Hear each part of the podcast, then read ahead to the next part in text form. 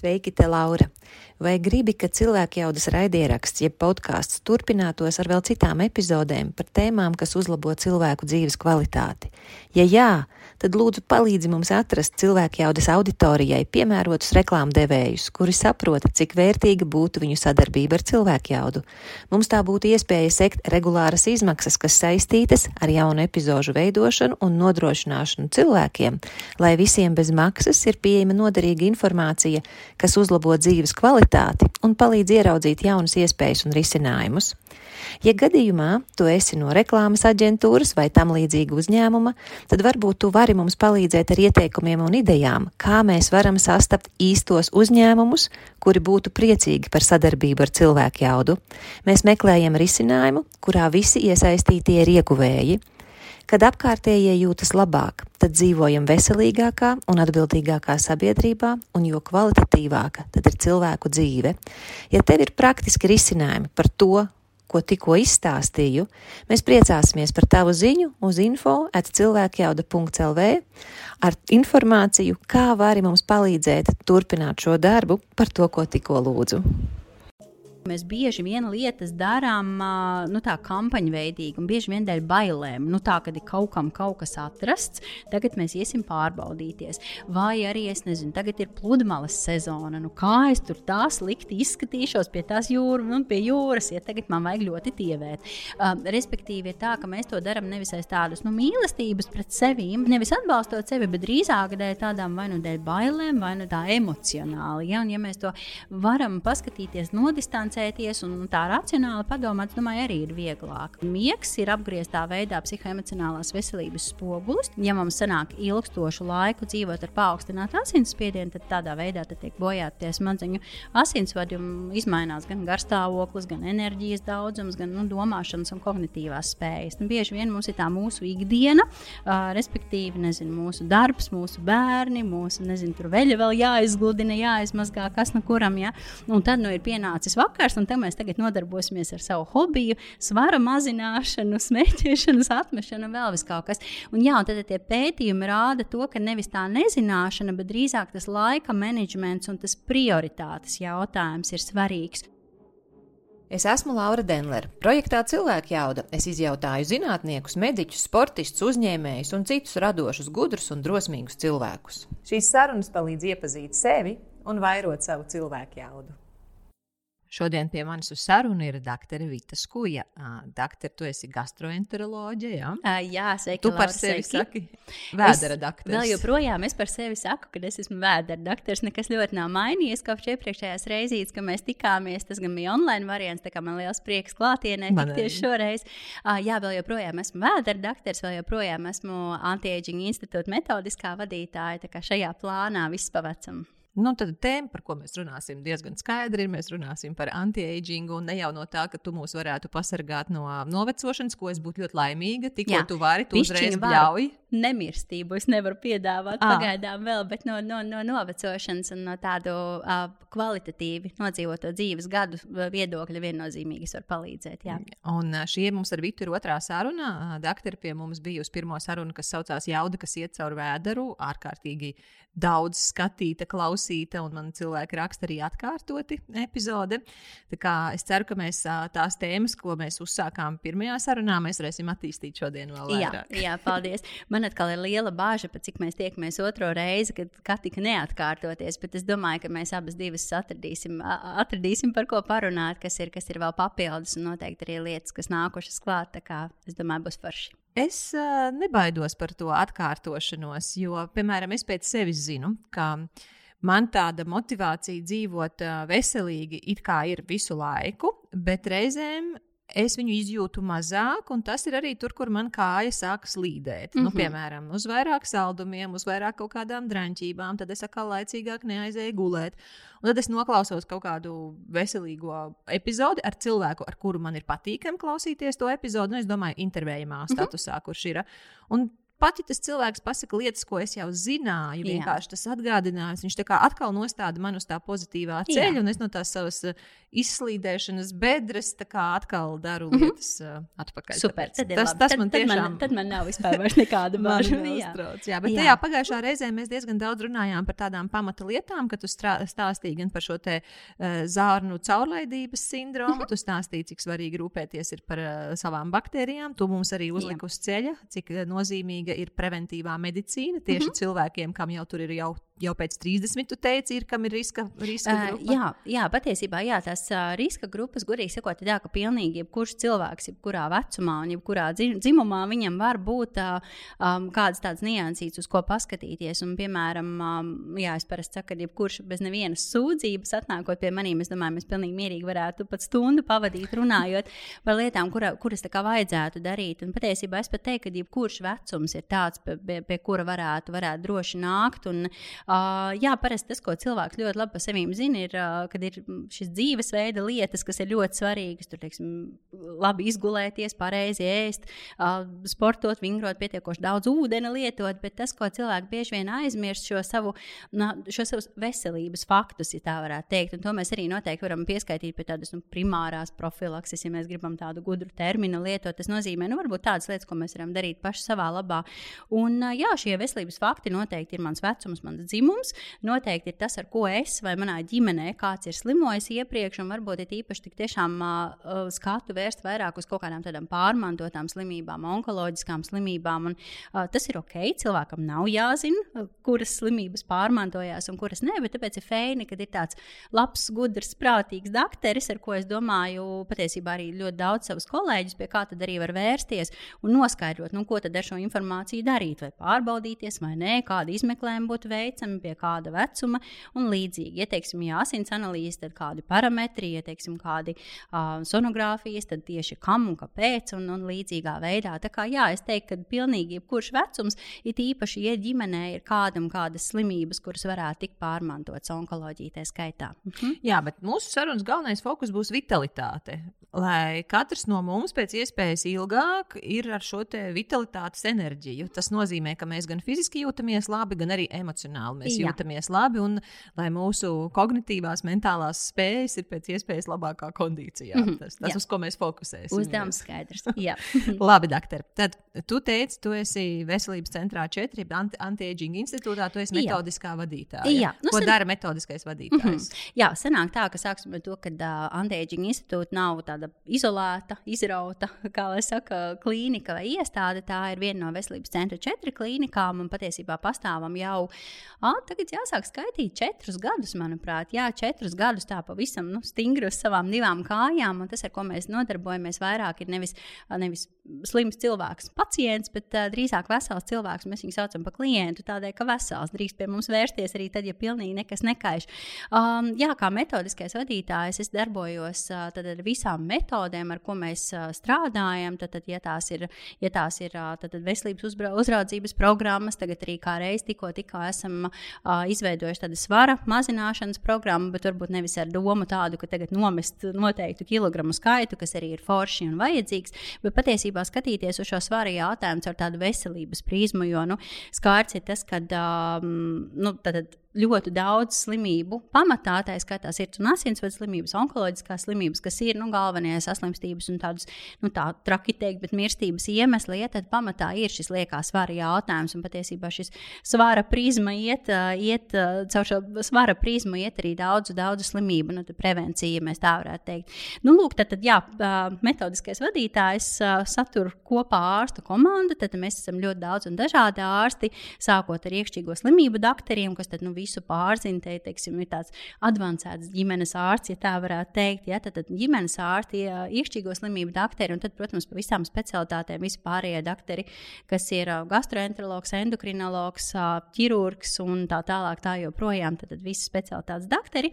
Nu, kopā tad, tad mēs realizējam pamatā šī, šo rūpi par cilvēka veselību dzīves garumā, sākot jau ar diagnostiku, pēc tam no diagnostikas posma mm, mums ir tāda karodziņu sistēma sistēma, ja tā varētu teikt, pēc kā mēs visas nu, slimības vai novirzes no normas, tad, tad gradējam uh, sarkans, oranžs, dzeltens un zaļš, nu, tā kā pēc tāda luksafora principa.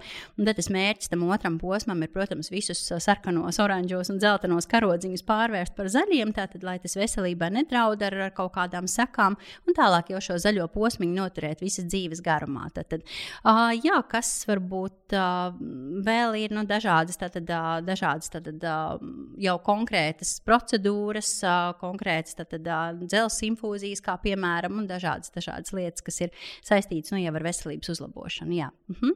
Īsumā. Attiecībā uz anti-agingu. Uh, Jā. Tā, manuprāt, ir ļoti laba domāta lieta. Mhm. Un, uh, es domāju, ka daudz ko arī labu dara. Un vienlaicīgi tā ir arī mazliet riskanta lieta ar to, ka kaut kas varētu būt izslavēts kā ļoti labs, bet mhm. teiksim, kā tādi uh, stingri zinātnieki par anti-agingu saka, ka tur var būt arī nu, fufeles, kas ir cilvēki met savu naudu miskastē. Nu, viņi viņu nemet miskastē, viņi viņu maksā attiecīgajās iestādēs. jā, tas ir ļoti labs komentārs. Un īstenībā man ļoti, ļoti patīk mazliet palaust šo mītu. Jo, jā, tik tiešām, ja mēs ierakstām internetā vārdu anti-aging, nu, tur nāk visādi brīnumi ārā. Iesākot ar dažādiem, nu, teiksim, tā nepamatoti lietotiem vitamīnu kokteļiem, infūzijām. Uh, lasīšanas no plaukstas, auru diagnostikas, es teiktu, pārspīlēju. Nu, visbeidzot, ar tādu tik, tik tiešām tādu Klasisku lietu, ko visi saprot ar anti-aging, nu, tas ir tādas ārējo novecošanās pazīmju likvidēšanas, nu, teiksim, estētiskā dermatoloģija, botoks un tā. Uh, jā, protams, anti-aging institūts piedāvā arī šo ķermeņa estētikas uh, sfēru, ja teiksim, arī šīs uh, estētiskās dermatoloģijas lauciņu, bet uh, tas, ar ko mēs esam īpaši, mēs uz to ejam un skatāmies arī caur tādu diezgan pragmatisku medicīnas prizmu, ja tā varētu teikt, un uh, skatāmies, kā jau iepriekš es minēju minēju par šiem kvalitatīvi nodzīvotiem dzīves gadiem. Mm -hmm. ja, tad, tad mērķis ir noteikt slimības pēc iespējas ātrāk un, un, un tad, tad aktīvi visu darīt, lai viņas neietu tālāk ar komplikācijām. Tad, uh, pirmkārt, paildzināt šo ves, šos veselīgi nodzīvotos dzīves gadus un patiesībā arī nu, visu dzīvi kopumā. Un, uh, jā, tik tiešām tā ir, kad ir vairākas lietas, un varbūt tas to negluži mūsu kontekstā, bet tik tiešām, ja mēs internetā rakstam un lasam par anti-aging kā tādu, tad, tad tas koncepts, nu, viņš ir tāds bišķiņš slidens. Tu pilnīgi pareizi saki. No otras puses ir jāsaprot, kas ir tas, nu, ko, ko katra no šīm uh, iestādēm, kā lai saka, piedāvā un kas tas ir. Un, savukārt, nu, mana tā vīzija ir tāda, ka mēs, nu, vismaz es kā dakteris strādāju tā, ka es skatos caur tām lietām, kuras mēs tik tiešām varam noteikt un paredzēt, un savukārt tās, kur, kur, kur ir skaidrs, kur nav šī zinātniskā pamata, ja tā varētu teikt, nu, tad ar viņām, nu, tā, tas ir mūsu arī pienākums teikt, ka cilvēkam, nu, kad piedod, šeit beidzas beidzas mūsu robeža. Tas ir tas, ko es minēju, ka jā, nu, nemirstību mēs gluži apsolīt nevienam nevaram, bet ir, ir skaidra lietas, ar ko mēs, ar ko mēs varam strādāt. Nu, patiesībā Tā sakne tam anti-aging medicīnai aug no aging medicīnas. Ja mēs rakstām internetā, novecošanas, novecošana savukārt ir, ir zinātniskā, nu, kā lai to saka, noteikti šie zinātniskie žurnāli vai zinātnisko nu, pētījumu datu bāzi, kas nodarbojas tieši ar novecošanās jautājumu. Un caur šo novecošanās prizmu mēs varam saprast, kas ir tas, ko mēs varam piedāvāt, lai pretnovecotu, ja tā varētu teikt. Ja? Tātad tā ir viena sadaļa, otra, otra sadaļa, protams, ir šie kvalitatīvi nodzīvoti nodzīvotie dzīves gadi, kas ir tāds statistisks, no, statistisks rādītājs. Tur ir ļoti, ļoti skaidri zināms, cik tad viņi mums ir. Tad, tad, ja mēs ņemam, teiksim, Eiropā vidēji cilvēks dzīvo 80 gadus, nu tad Latvijā sievietēm varbūt netik, netik ļoti, netik dramatiski tas cipariņš ir 79, nu tad vīrietis Latvijā mums dzīvo 10 gadus patiesībā mazāk nekā Eiropas vidējais 69. vīrietis. Ja? 69, jā. Nu, lūk, tad, tad, respektīvi, ja mēs, un savukārt, ja mēs paskatāmies paskatāmies uz to rādītāju, kas ir veselīgi nodzīvotie dzīves gadi, nu, tad tie cipariņi ir vēl tādi bišķiņš vakāki. Ja? Tad, tad, kādi? Uh, sievietēm 54 gadi un vīrietim 52 gadi. Tas nozīmē, ka Latvijas vidējais vīrietis 52 gados sāk kļūt jau ar kaut kādu slimību. Un, uh, šos... sieviete, man, ir, man ir precīzi 10 gadi atlikuši. Jā, oh bet tas God. ir vidējais rādītājs, Laura. Tas ir vidējais rādītājs. Un, protams, ja mēs salīdzinām ar tādiem, nu, tādiem labākiem rādītājiem, tad uh, līderi ir Zviedrija, sieviete, manuprāt, arī Malta. Nu, tad uh, Malta Maltā un Zviedrijā sieviete sāk slimot, ja tā var teikt, 75 gados, un vīrietis 73. Nu, principā tie ir 21 gads, kas ir, nu, nu tas ir diezgan liels cipars. Tur, kur pie mums cilvēki staigā ar visādām sāpēm un diskomfortu, jā, un jā. tie tur spriņģo riņķi. Jā. Uh, jā, un tieši tā, un te ir runa arī par to, ka cik mēs bieži pie ārsta dodamies, un kad mums ir medikamentu kulīte, ar ko mēs līdzi staigājam, un, un uz šiem gadiem arī var savā veidā skatīties, nu tā emocionāli, padomā 21. gadā, ko tu neesi slims, ko tu, ko tik tu nevari izdarīt, kādos kalnos tu nevari uzkāpt, un, un, un nu, jā.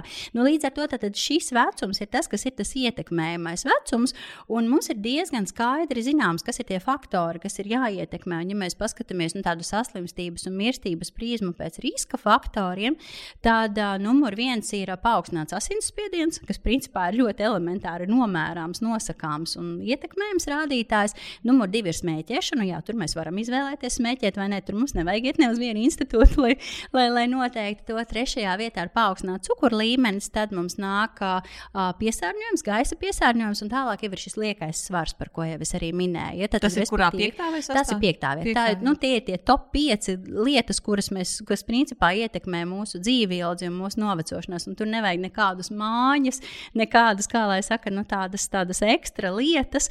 Uh, nu, tad, tad, principā, mēs Antieģiņa institūtā nodarbojamies ar uh, slimību noteikšanu un prevenciju un uh, komplikāciju ierobežošanu, lai tālāk neaizietu uz komplikācijās. Jā. Par paaugstinātu mm -hmm. asinsspiedienu mums bija saruna arī ar uh, doktoru Federu. Jā. Uh, kam vajag tepat tā saite būs uh, jā, ielikta. Jā. Es tiešām man ļoti, ļoti noderēja tā saruna, lai gan man likās, ka nu, es, esmu, es esmu vesels cilvēks, bet viņš mm -hmm. palīdzēja tiešām aizdomāties jā. par lietām. Kāpēc nu, es personīgi negrasos ķerties pie cigaretēm. Mm -hmm. um, kas ir tās lietas, ko cilvēki par savu asinsspiedienu nezina un tādējādi apdraud sevi? Jā, uh, es domāju, ļoti labs jautājums ir cilvēkam, vai viņš vispār zina savu asinsspiedienu. Jā, un, teiksim, kas varbūt ir tā pēdējā reize, kad tas asinsspiediens ir pamērīts, ja tā varētu teikt. Un, uh, jā, bija ļoti interesants pētījums, kuru, manuprāt, es taisīju. Es domāju, tas bija manas sākotnējo studiju gadu, gadu laikā. Arī strādāju vienā privātajā medicīnas iestādē un um, bija uzdevums tad, uh, samērīt, kāds ir uh, riska, risks tātad nomirt no sirds briesmīgi garas nomirt. Bet tad, jā, no sirds un asinsvadu slimībām ir tāds skors, tāds rādītājs, pēc kā mēs varam noteikt, kāda ir varbūtība, ka cilvēks tuvāko desmit gadu laikā saslimst un, nu, diemžēl, arī nomirst no kādas tādas būtiskas sirds un asinsvadu slimības. Un, uh, mums bija iedota cilvēku grupas, bija vadošie un ierindas darbinieki. Un tad, savukārt, nu, es kā students izdomāju, nu, labi, mēs varam paskatīties, nu, kāda ir starpība starp šiem vadošajiem un ierindas darbiniekiem. Beigu, beigās, protams, tas viņiem tas risks, tas skors sanāca ļoti, ļoti līdzīgs. Bet tur bija tā, ka nu, tas ierindas darbinieks, nu, tas, kuram nav padotie, tad tas tur vairāk tiešām smēķēja un, un lietoja alkoholu. Es te dramatizēju, bet nu, palielam tie dati tādi bija. Un savukārt tas vadošais darbinieks vairāk stresoja. Un, teiksim, un uz tā fona tas risks viņiem nu, bija apmēram līdzīgs. Un, jā, te bija viens ļoti labs jautājums, mēs, kā, mēs, kā mēs par to veselības pratību izjautājām cilvēkus. Nu, teiksim, vai viņš zina savu holesterīnu līmeni, kad viņš pēdējo reizi ir nodevis tātad, uh, holesterīna analīzes, kad viņš ir asinsspiedienu pamērījis, vai viņš vispār zina, kādam ir jābūt jābūt normālam asinsspiedienam. Un pirms tam bija viens jautājums, kā jums šķiet, vai jūs esat vesels? Un, protams, visi ir saķiksējuši, jā, man liekas, es esmu super vesels. Un tagad jau sāc viņam vaicāt, nu, sīkāk, tad izrādās, ka viņš pusi nu, tā laukuma nemaz, nu, ja tā drīkst izteikties, netver, ja? kad, kad viņš nezina, nu, ko, tad tas, ko tad patiesībā tas nozīmē.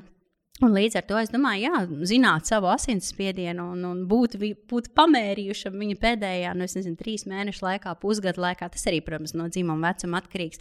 Uh, bet jā, tas jau, tas jau vien ir daudz, manuprāt. Jā, tā kā nu, te ir tas paradoks, ka cilvēkiem liekas, viss taču ir ok. Jo taču simptomu nav. Jā, un asinsspiediens ir viens no tādām lietām, ko mēs simptomus īsti nejūtam. Un, un, jā, kamēr vien nav krīze. Nu, tāda, kad ļoti augsta. Jā. Tad uh, es tagad būšu viens no tiem ne, negudrajiem cilvēkiem. Es nemāku pateikt, kāds ir pareizais asinsspiediens. Lūdzu, kāds ir pareizais Jā, asinsspiediens? Nu, principā vajadzētu būt zem 140 uz 90. Ja, teiksim, tas ir tas, nu, mēs varam, protams, 120, 80, tas ir tāds ideālais variants, ja, bet uh, arī viss tas, uh, tas, kas ir virs tās, nu, starp to 120 un 140 un starp 80 un 90, tas ir tāds, nu, mēs viņu saucam par augsti normālu, asinsspiedienu, bet, protams, tur ir jāskatās arī atkal dzimums, vecums, visi citi riska faktori. Ja jau ir kāda uh, sirds slimība vai asinsvadu slimība, nu, tad noteikti mēs smērķējam, lai tas spiediens būtu teiksim, pēc iespējas nu, tuvāk tam, tam normas līmenim. Jā. Un tagad, mm. kā atšķirās asinsspiediens vīriešiem un sievietēm? Jā, it kā nevajadzētu viņam atšķirties. Tāds pats 120 kā vēdera dakteris, jā, es cenšos arī šobrīd višķiņā ārpus tās savas komforta zonas, jā, bet uh, nē, nevajadzētu atšķirties. Un kā atšķirās asinsspiediens 20 gadniekam un 40 gadniekam? Arī nevajadzētu atšķirties. Nu, teiksim, tā, protams, ir teiksim, bērni, kuriem ir uh, savas normas asinsspiedienam. Tas gan viņas mainās ik pēc vecuma posma, uh, teiksim tā, bet uh, pieaugušiem cilvēkiem nu, tad, tad 120 uz 80 un līdz 140 un līdz 90 vēl ir tāds, kam mēs nu, nemetamies virsū ar medikamentiem un, un ar kaut kādām lielām tādām jā, intervencēm. Labi, tā, tagad par asinsspiedienu tikām skaidrībā. Jā. Kā ir ar um, holesterīnu līmeni? Kā? Jā. To var uzzināt tikai asins analīzes nododot. Uh, jā, to gan var uzzināt asins analīzes nododot. Nu, tur noteikti ir jāskatās, tad viens ir šis rādītājs, ir šis kopējais holesterīns, tad ir zema blīvuma holesterīns, kas ir uh, sliktais holesterīns. Un, kā es parasti saku, zemam jābūt zemam, un tad ir augsta blīvuma holesterīns, un augstam jābūt augstam. Savukārt augstais ir tas, kas aizsargā no sirds un asinsvadu slimību veidošanās. Tad vēl ir sadaļiņa, sadaļiņa kas saucas triglicerīdi. Un tad ir ļoti interesanti, ka teiksim, zemais holesterīns, zema blīvuma holesterīns holesterīns un klasiski ceļās no visiem tādiem, nu, kā lai saka, vai no akurāti neveselīgiem ēdieniem, ja, kas tad nu, mēs varam automātiski iedomāties, nezinu, būciņas, zefīri, McDonald's, tur čipšies, te turbūt tā pārspīlē ļoti vienkāršiem vārdiem stāstu. Uh, un dzīvnieku valsts taukiem, kas ir ar augstu procentu, tad taukainās gaļas un, un uh, Piena produkti, starp citu, sieras, tāds liels klupšanas akmens, ja, kas ir ar augstiem procentiem. Un, jā, tas ir tas, kas ceļ to zema blīvuma holesterīnu, to slikto. Savukārt, tie triglicerīdi ceļās patiesībā dēļ cukuriem un dēļ pievienotā cukura. Un mēs varam iedomāties, teiksim, sulas un medus. Jā, starp citu, ļoti liels tāds, tāds, tāds, tāds bubulis un tāds mīts ir tas, ka svaigi spiestas sulas ir jādzer vai smūtī ir jādzer. Ja nē, nu pa lielam jau, nu, teiksim, tā sava daļa vitamīna jau tur ir, bet labāk. Nu, to augli apēst tādu, tādu kāds viņš ir, jo tur ir arī šķiedrvielas klāt. Ja, teiksim, ja mēs viņu ēdam spiestā formātā vai, vai, vai tiešām, tiešām teiksim, cukurs, medus, sīrups un visi saldinātie dzērieni un smūtī un sulas, tas ir tas, kas uh, dos to paaugstināto triglicerīdu līmeni. Un patiesībā cilvēkam, kam ar cukuru līmeni īsti labi nav, teiksim, tas noteikti, noteikti aizies nevis tā kā labumā, šūniņai enerģiju, dot labumā, par to enerģiju labumā, prasību, bet, nu, bet labumā, labumā. Tad, tad nogulsies tauku rezervē rezervēs un, un, un dos patiesībā arī aknu aptaukošanās, kas tā diezgan, diezgan nu, bieži, bieži problēma. Nu, jā, nu, savukārt, jā, tam augsta blīvuma holesterīnam jābūt augstākam. Uh, to savukārt uh, tur, tur, tur labums ir no jūras produktiem, tad no zivīm un no omega-3 un nu, kaut kā tā. Ja? Savukārt, zem blīvuma holesterīns atkal tur ir jāskatās atkal dzimums, vecums, ja ir kāda cita slimība, nu, tad noteikti viņam ir jābūt maksimāli zemam. Nu, teiksim, tā mēs insultu un infarktu nedabūtu, ja viņš būtu pa nulēm nulēm, kā, kā citējot, citējot kardiologu. Ja tā būtu kā, pa, pa nulēm, tas zemais jā, jā, bet ja? pa nulēm mēs viņu reāli dabūt nevaram. Nu, tad mēs neko nevaram vispār ēst. Un, būt, un, protams, arī mums viņš ražojās kaut kādā mērā, nu, teiksim, arī aknās. Nav, nav tā, ka mēs esam vispār bez viņa. Jā, bet ja viņa nebūtu, tad nekā arī tad kardiologam gan jau nebūtu ko darīt. Jā. Kāda ir saistība asinsspiedienam un nieru veselībai? Jā, diezgan liela. Uh, pirmkārt, jau nieres var uh, veicināt to, ka asinsspiediens ir augstāks, un um, mēs izmantojam atkal nu, tādas varbūt gudras doktoru lietas. Tad šī primārā arteriālā hipertenzija, tas nozīmē, ka ir paaugstināts asinsspiediens, tāpēc, ka nu, neviens nezina, kāpēc. Nu, ko nozīmē, neviens nezina, kāpēc. Visticamāk, jau tur ir šis svara jautājums un dzīvesveida jautājums un šīs metabolās vai vielmaiņas veselības jautājums, nu, kāpēc viņš ir paaugstināts.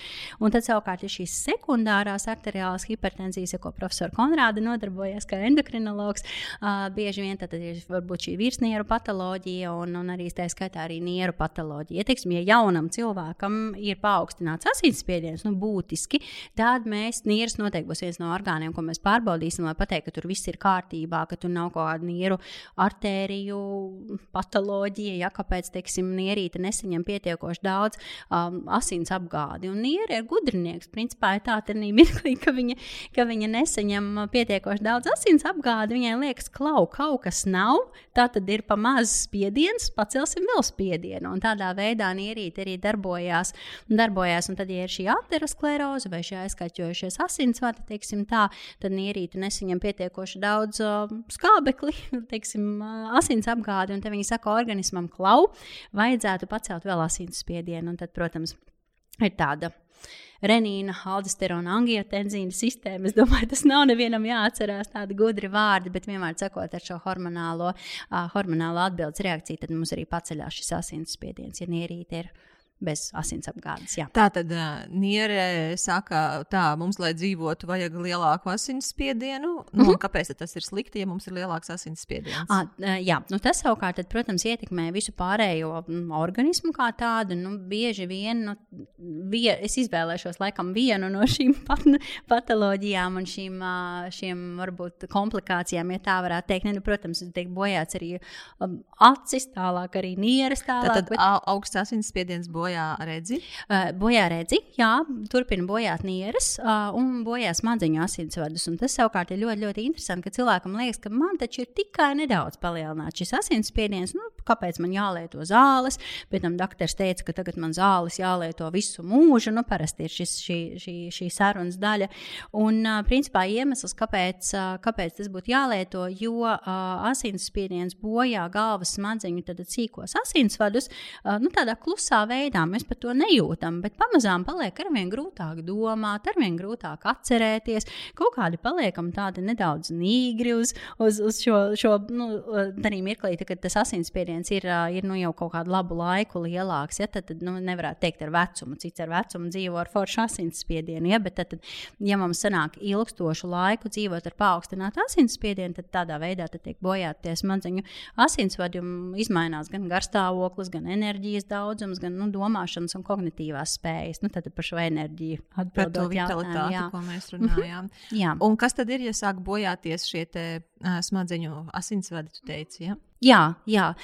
Nu, tādā veidā tas ietekmē nu, vienkārši šo domāšanas procesu, šo smadzeņu struktūru, ja tā varētu teikt. Ja, tad mēs dzīvojam tādā hroniskā hipoksijā, ja tā varētu Kas tas teikt. ir hipoksija? Hipoksija tas ir smadzeņu um, skābekļa trūkums smadzenēm. Jā, un, nu, un kas tad ir, ja viņām trūkst skābeklis? Jā, nu, tādā veidā tiek palaista dažādi iekaisuma vielas un notiek iekaisuma process smadzenēs, bet atkal vēdera dakteris, es labprāt neinterpretētu teiksim, nu, tādas lietas. Tas vairāk, jā, ja runā, ja runā par asins spiedienu, tad principā kardiologa dakteris ir tas, kas viņu ārstē, protams, ģimenes dakteris, iekšķīgo slimību dakteris, kardiologs, neiroloģis šajā gadījumā, ja runa ir par smadzeņu darbību.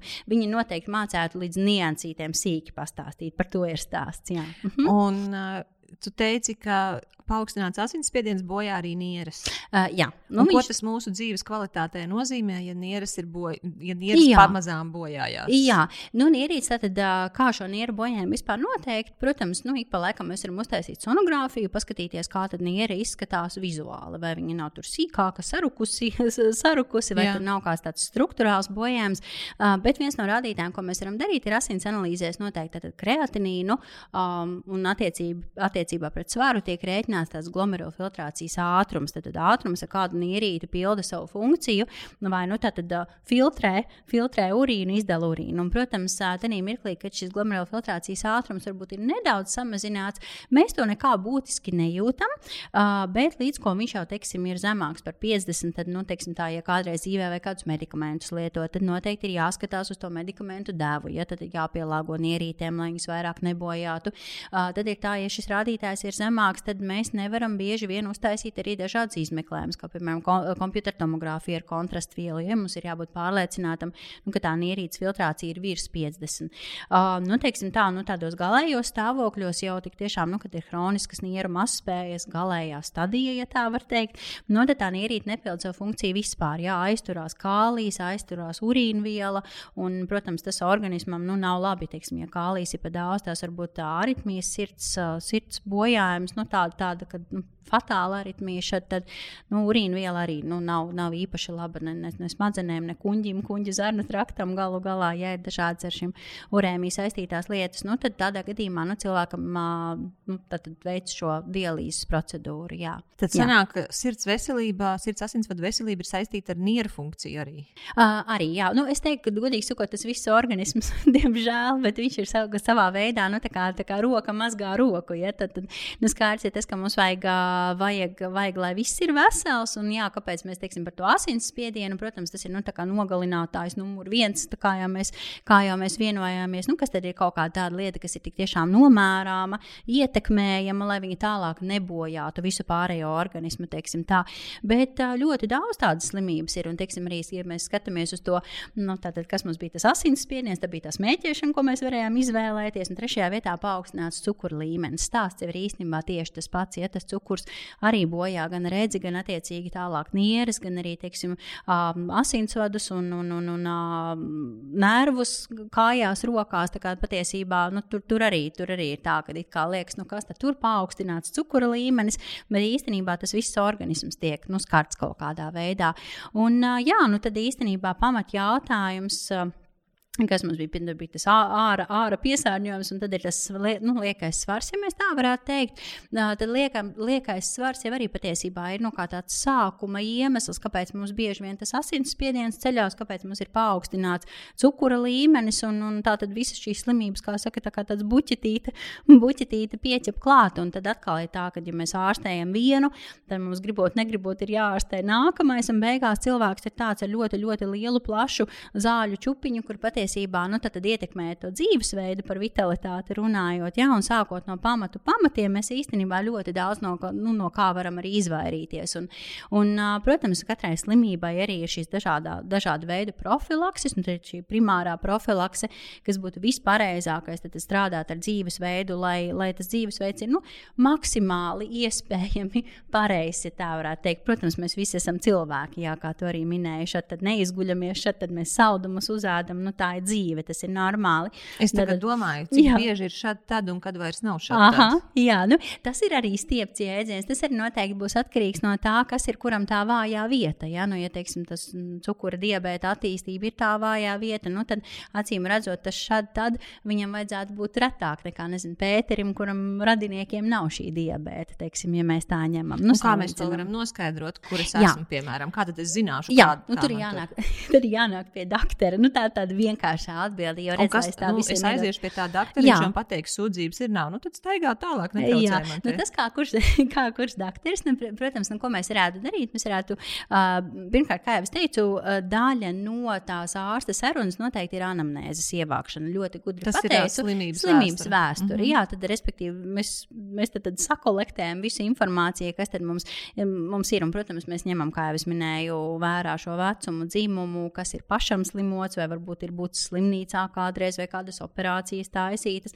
Tad ir šī ģimenes vēsture un attiecībā pēc tā mēs izvēlamies, kas ir tie rādītāji, ko vajadzētu testēt, nu, ko vajadzētu noteikt. Ja man kāds saka, ka viņam ir cukura diabetes anamnēzē, nu, tad visticamāk, protams, es skatīšos uz, uz, uz cukuru līmeni. Mums ir iespēja skatīties uz cukuru līmeni ilgstoši, ir tāds glikolizētais hemoglobīns. Es nezinu, cik ļoti man vajag, man vajag tādiem specifiskiem nosaukumiem iet. Nu, protams, cilvēkiem, kam ir augstāks stresa līmenis vai kam ir lielāks svars, noteikti mēs varam skatīties arī uz homa indeksu. Tas mums parāda šo insulīna rezistences rādītāju.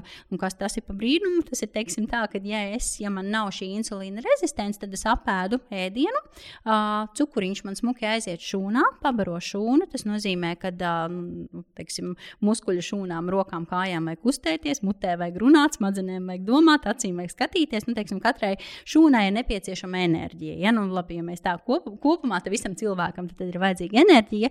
Un tad, ja nav šīs insulīna rezistences, šis homa indeks ir normāls, tas nozīmē, ka katrs nu, teiksim, cukura graudiņš aiziet tajā vietā, kur viņam vajag un iedod to enerģiju. Ja savukārt ir insulīna rezistence, un tas pārsvarā cilvēkiem, kam ir liekais svārs, vai cilvēkiem, kam ir nu, vairāk šī centrālā aptaukošanās, tad, tad tauki vairāk ap vēderu, teiksim, vai arī, ka man ir kaut kāds ļoti no, būtisks augsts stresa līmenis, tad var, var attīstīties un ir šī insulīna rezistence. Tas nozīmē, ka tas cukura graudiņš nevis aiziet, nevis aiziet nu, tajā šūnā un tajā enerģijā, bet, nu, tad, kā jau es minēju, iepriekš arī noglabājās, noglabājās tajā, tajā tauku bumbulītī. Nu, jā, un ja man kāds nāk un saka, klau, man ģimenē ir uh, cukura diabetes, tad, protams, mēs ļoti, ļoti būtiski skatāmies uz to kā uz tādu riska faktoru, nu, kad šī jautājumi ir, ir, ir ļoti būtiski un tad tik tiešām tiešām vajadzētu pasakot biežāk līdzi nekā varbūt cilvēkam, kuram, kuram nu, nav šī, šī iedzimtība varbūt tik ļoti. Tad viņš var tā vaļīgāk attiekties pret šīm dažreiz reizēm, kad mēs neizguļamies un, un ēdam, ēdam saldumus. Nu, tā. Ģenētiski ir kaut kas, ko mēs varam pārbaudīt, un kas nav saucamais, mm. nezinu, tur fufelis. Es atvainojos par zinātnisko Jā. vārdu. Jā, tas ir īstenībā arī ļoti labs jautājums, ko tu man prasi, vai tas nav fufelis. jo redz, kā ir. Ar tām ģenētiskām analīzēm ir tā, ka mēs principā nosakām varbūtību. Tas nozīmē, ka atkal nu, katram no mums ir iespēja nezinu, iet pa ielu un, kā saka, nu, ķieģelis var uzkrist uz galvas. Ja? Tas nenozīmē, ka tas tā notiks. Ja? Līdz ar to arī ar tām slimībām ir ļoti, ļoti ja es staigāju pa ielām, kur ir tās ķieģeļa mājas, man ir lielāka iespēja. Jā, par ko ir stāsts? par ko ir stāsts? Tā kā, nu, principā tā ar tām ģenētiskām analīzēm, pirmkārt, viņas ir daudz un dažāda veida. Um, vai tā, es tagad domāju, kā tā vienkāršāk izstāstīt, respektīvi tā ideja ir tāda, ir slimības, pie kā nu, tā ģenētiskā testēšana ļoti palīdz sastruktūrizēt tālāko plānu. Kā piemēram, un atkal uh, es necentīšos būt gudrinieks tajās sfērās, kurās es neesmu gudrinieks. Es varu runāt par savu gastroenteroloģiju, un man patiesībā tāds ģenētiskais tests ir viens, un tāpat laikā arī mēs tur varam bišķiņi diskutēt, ir vai nav fulfils. Respektīvi, uh, tas, kur es mēdzu cilvēkus tik tiešām būtiski sūtīt uz ģenētisko testēšanu, uh, Uh, nu, es tagad aizdomājos, patiesībā man ir trīs tādas slimības, bet labi, tad solīti atpakaļ. Uh, tad, tas, ko es izmantoju kā gastroenterologs, ļoti bieži ir, ja es redzu, ka kādam ir pirmās pakāpes radinieks ar aizkuņa dziedzera pierādītu vēzi. Tad, tad mums ir konkrēti gēni, ko mēs varam noteikt, un ja mēs viņus nosakām un viņi ir pozitīvi, tad tas nozīmē, ka mēs šo cilvēku ieliekam nu, tādā testēšanas rāmī. Tas nozīmē, vienreiz gadā magnētiskā rezonance, vienreiz gadā asins analīze, vienreiz gadā magnētiskā rezonance, vienreiz pirmais gadā asins analīze. Tas, respektīvi, tas man palīdz. Cik gados tu to sāksi? Uh, to es sākšu. Uh, patiesībā tur, tur var testēt visus uzreiz, tik līdz kā pirmās pakāpes radinieks ar aizkuņa dziedzera vēzi. Bet vecmāmiņa vēl neskaitās. Uh, nē, ne, vecmāmiņa mums ir otrās pakāpes radinieks. Bet tas nu, jau tā. Cik, nu, cik bīstami. Man mhm. vienkārši vecmāmiņa nomira aizkuņa dziedzera vēzi. Jā, jā, ne tikai jā. man, bet daudziem citiem. Jā, vēl. nu redz, jautājums ir arī, vai arī pirmās pakāpes radiniekus vajadzētu obligāti testēt, un tādas, un tādas obligātas vadlīnijas nav. Tāpat laikā tas ir ieteikts kā tāds tests, ko varētu taisīt. Jo, redziet, aizkuņa dziedzera vēzis, pirmkārt, viņš ļoti daudzos gadījumos būs sporādisks. Nu, ko tas nozīmē? Viņš vienkārši parādās, tāpēc, ka viņam nav ko darīt. Viņš parādās un ir, un viss nav tā, ka viņš pārmantojās.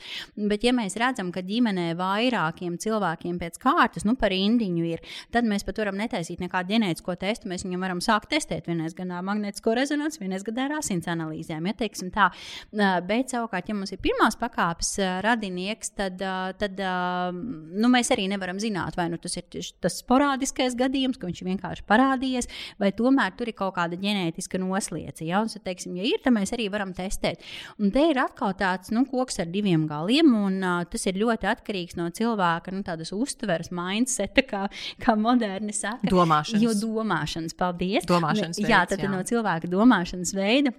Tā doma ir tāda, ka, protams, vienam būs uh, ļoti uh, forši zināt to, ka jā, man ir šis, nu, šīs izmaiņas, un tā tad labākais, ko es varu darīt, ir reizi gadā, nu, tad, tad veikt šos izmeklējumus, un tā es sevi pasargāju no, no slimības, nu, teiksim, tā attīstības, vai arī, ja mēs redzam, ka kaut kas sāk attīstīties, tad, mēs, tad mums ir iespēja vienkārši uzreiz, nu, uzreiz reaģēt. Ja, jo um, aizkuņa dziedzers ir liels viltnieks, jo viņš atrodas ļoti tuvu asinsvadiem, un principā ir tā, ka tas audzējs, uh, diezgan ātri ieauga asinsvados, un tāpēc viņu ir grūti pēc tam, nu, tā radikāli radikāli izņemt un, un izgriezt. Tāpēc mēs cenšamies uz katru sīkumu reaģēt.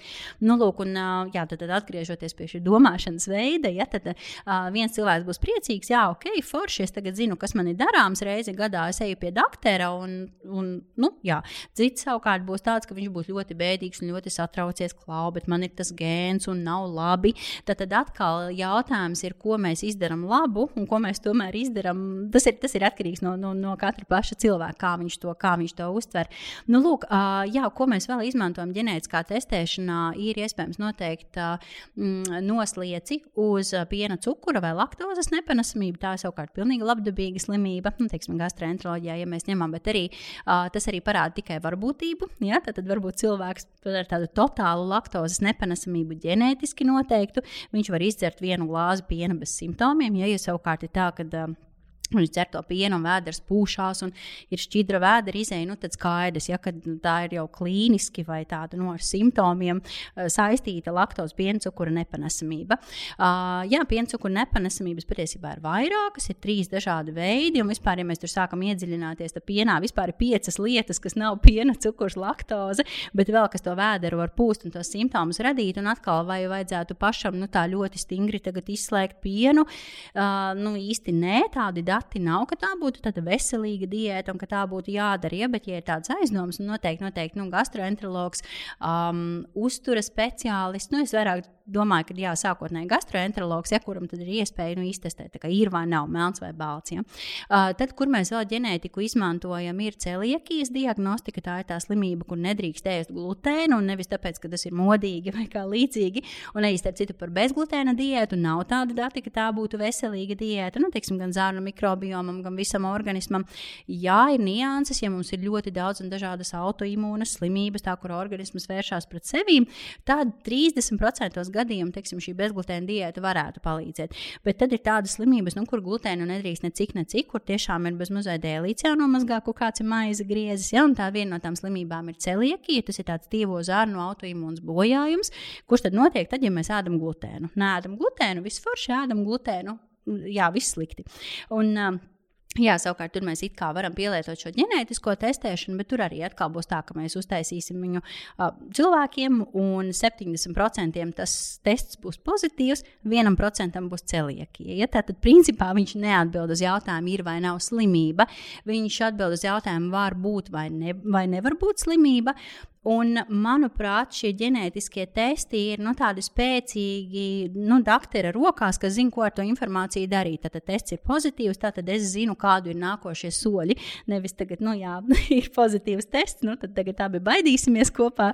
Bet, bet tā, ka mums ir skaidrs, ko mēs ar to darām. Ja, ja nu, tā attiecīgi liekam to ar pārējiem testiem kopā un pasakām, nu, kā ir, ir vai nav slimība, vai, vai, vai kā ar to tālāk rīkoties. Nu, tā vismaz man liekas. Jā. Es uh, esmu um, ļoti uzmanīga attiecībā uz veselību. Man vienkārši ļoti riebjās slimot, un man ļoti riebjās, ka man mm -hmm. ieslimot. Tāpēc Jā. es esmu mieru darīt teju vai jebko.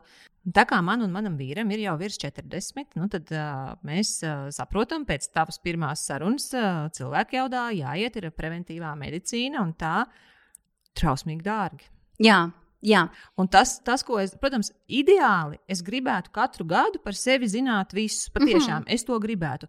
Bet tagad es domāju, cik ceļojumu man tur aizgāja. Jā, nu šis ir teiksim, tā, nu tāds, kā lai saka.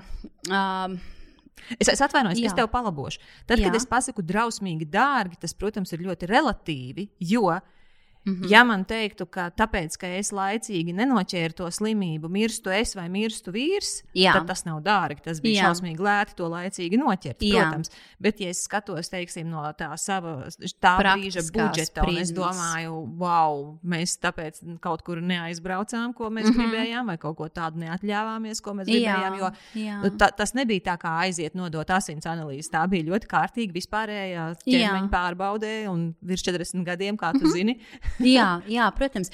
Nē, nu redz, kā ir ļoti, es domāju, es pilnīgi piekrītu. Un tas ir, nu, drausmīgi dārgi. Es atļaušos tomēr citēt. Es domāju, pilnīgi jebkuram. Ja? Es domāju, nu, teiksim, tā, ja mēs tā ņemam, nu, mēs arī esam bišķiņi arī pieraduši pie tā, kad, nu, kad, kad, kad ir šī valsts sistēma, bet, acīm redzot, viņa nu, varbūt nestrādā tik perfekti, ja tā varētu teikt. Tāpēc es vienmēr visiem saku, ja jums ir foršs ģimenes ārsts, ja droši var doties pie ģimenes ārsta un teikt, klau, es esmu bez neviena simptoma atnācis, ko es varu tagad darīt. Tad ārsts tev aizsūtīs mājās. Dzimumā, pateiks, nevazā. Nu, un šis ir tas jautājums. Un šis, un, šis ir, un šis ir tas jautājums, jā, ka viņš bieži vien arī pateiks, nu, ko tad, nu, tad jau neko, vai nevaram pamērīt asinsspiedienu, kas jau, kas jau ir labi. Uh, es gribētu, lai man ir tāds pavisam vienkāršs risinājums un tāda vienkārša atbilde. Jā, tu arī pati ieskicēji to, ka uh, nu, tas viss ir rel relatīvi, tas viss ir tāds nu, prioritāšu jautājums. Protams, ir kaut kādas lietas, ko mēs varam izdarīt maksimāli iesaistot uh, valsts pakalpojumus. Mēs varam attiecīgi veikt arī skrīningus. Tad, ir šis kolorektālā vai, vai zarnu vēža skrīnings, ja, ko noteikti var darīt, tas ir labāk nekā nekas. Jā, teiksim, Bet protams, no cik gadiem tas salīdzinām? Nu, principā tā Latvijā ir no 50 gadu vecuma slēpto uh, asiņu testiņš, uh, kas ir nu, PCS um, slēptās asinis, un tālāk, ja ir pozitīvs, tad ir kolonoskopija. Protams, ja mēs atkal ņemam to, nu, kā jau saka, ideālo scenāriju, tad tas ir no 45 gadu vecuma bez sūdzībām, pataisno kolonoskopiju. Vienkārši ja? ir jātaisa. Jā, vienkārši ir jātaisa. jātaisa. Uh, ja viss ir kārtībā, tas nozīmē, ka ir labi iztīrusies zarniņa Tas ir nu, tāda būtiska lieta, kas mums ir jādara pirms kolonoskopijas. Ja doktors ir visu redzējis pilnā apjomā neko nav atradis, tad neviena polipiņa taisam. Mēs nevis tāpēc, ka mēs tur tagad šausmas sagaidām, galīgi nē. Taisam mēs tāpēc, ka mēs tur gribam noķert polipiņus, kas ir pirmsvēža stāvoklis. Viņi ir vispār bez sūdzībām. Ja? Tad, tad nav nekādas ne caurējas, ne vēdersāpes, ne, ne aizcietējumi. Vienkārši ir un ir tāds audu bumbulīts. Un uh, kolonoskopijai tas labums ir tas, ka mēs varam ne tikai ieraudzīt, bet mēs viņu uzreiz arī ņemam nost. Un, principā, tas vēža risks pēc tam ir nu, pa nulli. Cilvēks tajā vieglajā miedziņā. Cilvēks ir miedziņā. Nevienu, jā. jā, cilvēks čuč miedziņā, respektīvi neko nejūt, neko arī neatcerās. Un, un, un jā, principā izmeklējums ļoti labi panesams. Un starp citu ārzemēs, Anglijā tā skaitā, tas tiek veikts bez miedziņa, Norvēģija arī tā skaitā oh bez God. miedziņa. Tā kā mums ir ļoti paveicies, ka mums ir šis miedziņš, ja, tad, tad mums ir anesteziologs pieejams, kas to miedziņu var nodrošināt risināt. Un, jā, tā starp citu arī nav narkoze. Tā kā pie operācijas mm -hmm. cilvēki baidās, nu tad tagad būs intubācijas, narkoze, neelpoša. Tā nav. Tā ir vienkārši tāda stiprāka miega zāle, kas ir uz to laiku. Uh, tad, ja tavs pamat jautājums bija, cik bieži jāveic, tad, ja mēs neko neesam atraduši un viss ir forši, viss ir labi, ik piecus gadus. Mm. Ja? Ja, ir, ja mēs atrodam kādu polipiņu, mēs viņu noņemam, uh, pārsvarā mēs viņu aizsūtām, tad, ja mēs viņu dabūjam rokā, aizsūtām viņu paskatīties zem mikroskopa, histoloģija, biopsija tādos gudros doktora vārdos saucās. Un tad, savukārt, atkarībā no tā, ko mēs redzam zem tā mikroskopa, tad mēs nosakām, vai pēc gada, vai pēc trījiem gadiem. Nu, visbiežāk tie tomēr ir pēc, pēc trījiem gadiem, ja mēs kādu polipiņu esam redzējuši. Nu, tā kaut kā tas ir nu, par kolonoskopiju runājot. Jā, jā un mm -hmm. tu mhm. teici, tas sākās no 45 gadiem. Uh, tas būtu no 45 gadu vecuma, tad, ja nav nevienas sūdzības, un ja ģimenē nav pirmās pakāpes radiniekiem, kādam bijusi onkoloģija, ja ir pirmās pakāpes radiniekam bijusi bijis nevis tad, kaut kāda onkoloģija, konkrēti zarnu. Jā, konkrēti zarnu vēzis, tad savukārt tas vecums mums samazinās par desmit gadiem. Ja? Uh, un atkal, nu, teiksim tā, ja mums ir bijis, nu, piemēram, tētis, kuram ir 70 gados vai 60 gados atklāts, tad tie ir tik un tā mīnus 10 gadi no tā 45. Tad, tad mēs sākam nu, 35 gadu vecumā. Ja mums ir uh, radinieki, kuriem ir jauno, jaunā vecumā atklāts kolorektālais vēzis, nu, teiksim, tajos pašos 35, nu, tad tā, nu, tad tā tas, tas diagnostika sāksies jau 25 gados. Tad atkal mīnus 10 no tā vecuma. Nu, un, jā. tu iepriekš teici, mm -hmm. ka teiksim, ģenētiski tas, ko tu izmanto, ir pārbaudīt par aizkuņa dziedzera vēzi. Jā, kāpēc jā. ne pārējos? -hmm. Jā, tāpēc, ka tik un tā, ja mēs noteiksim ģenētiski, kad ir iespēja saslimt ar šo kolorektālo vēzi, tas, kas mums ir jādara, ja, ja tik pēc pieciem gadiem taisīt kolonoskopiju. Nu, nevis ik pēc pieciem, bet jāuztais kolonoskopija un tad vadoties no tā, nu, no tā ko mēs redzam. Ja. Un, Jā, starp citu, jautājums vietā ir tāda lieta kā ģimenes polipozes sindroms, bet tie pārsvarā ir uh, nu, gadījumi, kad tie polipi ir ģimenes polipozes sindroms un ir vairāka veida. Tā tad ir uh, arī neejot sarežģītos nosaukumos un detaļās, uh, bet uh, tur, tur ir atkarībā nu, teiksim, tas risks um, tam polipam, kāds ir tas risks būt par vēzi. Un ir reti gadījumi tādi, kur mums ir jāsāk čekot jau ļoti, ļoti agrīnā bērnu vecumā ģenētiski, ja gēns ir pozitīvs, mēs griežam ārā visu zarnu. Es tagad tādu dramatizēju, tādu šausmu stāstu, stāstu bet pa lielam ir šis nu, ģimenes polipozes sindroms, kur visi zarniņi sastāv no maziem, maziem polipiņiem, un viņiem visiem ir liela iespēja būt par vēzi. Tāpēc, nu, teiksim, tā labākais, ko mēs varam izdarīt, ir no tās zarniņas atbrīvoties, kura visi ir viņa tāda, pat viņi izskatās, ka viņu attaisa vaļā pēc tādas nu, briesmīgas, kā tādas maltās gaļas, nevis normāli tāda zarniņa smuka ar gļotādiņu, nu kā ādiņa, bet visi visa, visa ir no tādiem sīkiem maziem polipiņiem. Tad mēs pielietojam šīs ģenētiskās testēšanas, un tas vairāk attiecās uz, uz, uz bērnu vecumu. Ja? Bet atkal nu, mēs kādam no radiniekiem nodiagnosticējam, un atkal pirmās pakāpes radinieki ir šajā riska grupā. Uh, ir pat tāds pārmantotā vēža kabinets Latvijā, kas ar to arī darbojās, un šos gadījumus, nu, tie tā var teikt, izķer. Tātad pirmais mums bija uh, killers, jeb slepkava Latvijā, asins asinsvadu slimības. Jā, jā. Otrais mums bija onkoloģijas. onkoloģijas. Jā. Bet tad tu teici, ka tas, ko mēs varam ietekmēt no tiem faktoriem, uz ko mums ir iespēja labi iedarboties, tu minēji, pirmais bija augsts asinsspiediens, otrais bija smēķēšana. Jā. To var izvēlēties. Nu, tad, jā. ko tā smēķēšana tagad izdara? Es jā. atceros, ka dr. Feders mums teica, ka tas ir visneprātīgākais, ko nodarīt sirds asinsvadu slimībai. Tā arī ir. tā arī ir. Vai vēl kaut ko tas bojā? Plaušu vēzis plaušu vēzis un patiesībā arī visādi, visi citi vēži, arī gan kuģa vēzis, gan arī zarnu vēzis, gan arī tas pats aizkuņa dziedara vēzis, tad uh, smēķēšana būs kā viens no riska faktoriem. Nu, principā es teiktu tā, gan onkoloģijai, gan sirds un asinsvadu slimībām. Un tas atkal ir tas, par ko mēs runājām, kad atkal nu, iet, dari kaut ko vienu un cieši viss organisms palielam. Nu, teiksim tā. Jā. Labi. Lai man piedod visi smēķētāji. Man patiešām neuztrauc tas, ka jūs smēķējat. Da, katram, katrs cilvēks drīkst izvēlēties mm -hmm. uh, savus, uh, savus veidus, kā darīt sev pāri. Mans ir saldumi, ja, kā mēs tikko dzirdējām, ja, un es tiešām man nav tiesība ne, nevienam neko pārmest. Bet man patiešām ir ļoti grūti saprast, ja visur mediķi tā saka, cik smēķēšana ir bīstama kāpēc neizdodas cilvēkiem, kas grib pārtraukt smēķēšanu. Es nerunāju par tiem, kas pasaka, ka viņiem ir ļoti labi, viņi, viņi vēlās turpināt, bet tiem, kas mm -hmm. grib, nu, kāpēc jā. tad jums nesanāk palīdzēt viņiem? Es domāju, Lorien, ka tas ir tieši tas pats salduma jautājums. Jā, un, jā, arī man ir vakar, kad es atnāku mājās, un es zinu, kur ir tas plauktiņš, kuru atvērt, kur stāv bērnu Ziemassvētku paciņas, visas iespējamās. Uh, es domāju, ka tas ir tāds, um, nu, es drīkstu varbūt tā teikt, atkarības jautājums, tāds iestaigātas taciņas jautājums. Un uh, arī es domāju, ka noteikti kāds psihoterapeits vai, vai varbūt nu, atkarību speciālists, teiksim, tā varētu vairāk stāstīt. Es domāju, ka tā nav smēķēšanas, ka tas nav smēķēšanas jautājums, ka tas varētu būt dejeb kas, jebkuru mūsu, uh, nu, teiksim, tā neveselīgu ieradumu jautājums. Ier, ieradumu jautājums kā tāds veselīgi vai, vai, vai neveselīgi. Ja? Tad, tad tā ir tāds, nu, tas ir tāds iestaigāts celī brīdis, kas mums dod kaut kādu veidu nu, mieru, ja mēs tā varētu teikt, kaut kādu veidu, nu, izdala dažāda veida šos neiromediātorus, kas mums, nu, tad, attiecīgi vai nu mūs nomierina, vai iedod to, kas ir vajadzīgs tajā mirklī. Un, un, protams, ja mēs tam nevaram atrast nu, kaut kādu līdzvērtīgu kompensāciju, vai arī, teiksim, tiešām ir kaut kādi ārējās dzīves apstākļi, kas to diktē, stress tā skaitā, es domāju, ka ir ļoti nu, grūti, nu, tā, kā saka, cīnīties pret to. Un, Un, un um, patiesībā arī jā, viss, visi veselīgie paradumi, teiksim, ēšanas un sportošanas, tu pareizi arī minēji, nu, negribas jā, bet jādara, jo negribas slimot. Ja?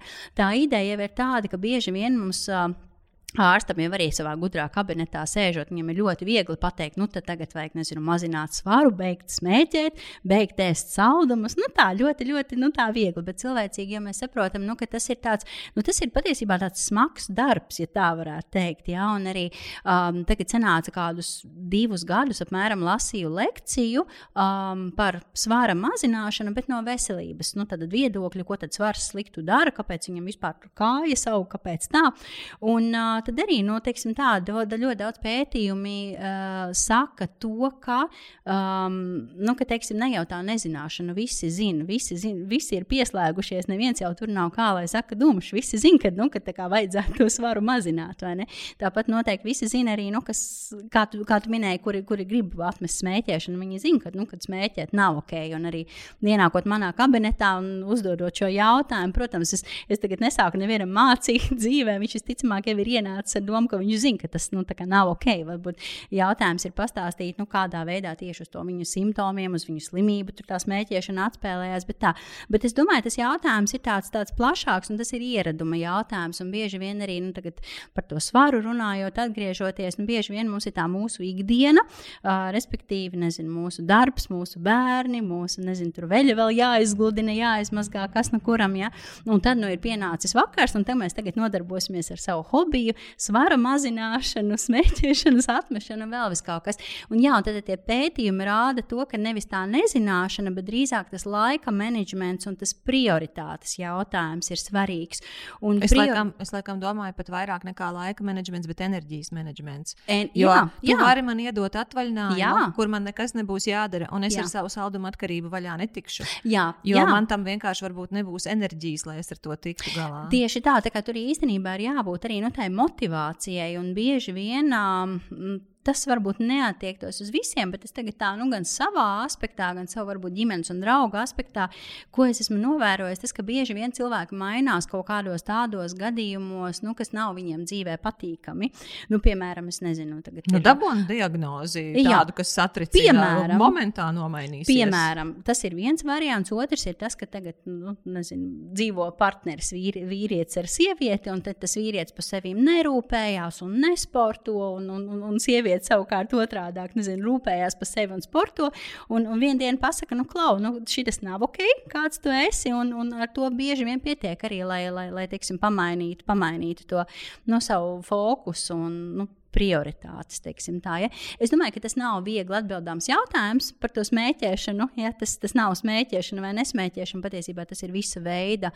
Nu, No atkarības tas tā ļoti skaļi skan, bet drīzāk kaut kādi mehānismi, ar ko mēs nezinu, vai nu mazinām stresu, vai nu, vai nu esam to ieradumu taciņu gājuši. Jā.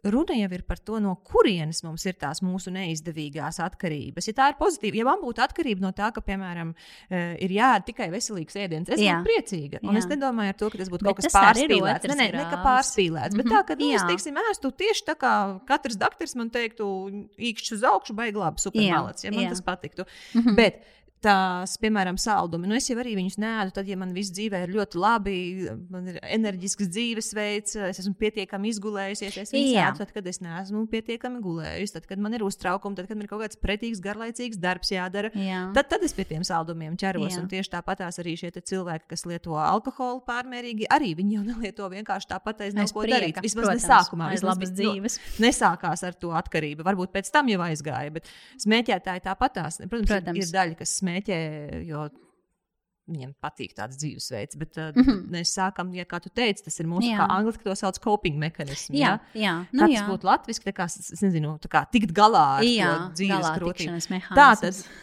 no tevis teiktā, nu, Jā. es skatos, ka tas uh, grūtākais izaicinājums ir uh, menedžēt stresu savā dzīvē. Protams, protams.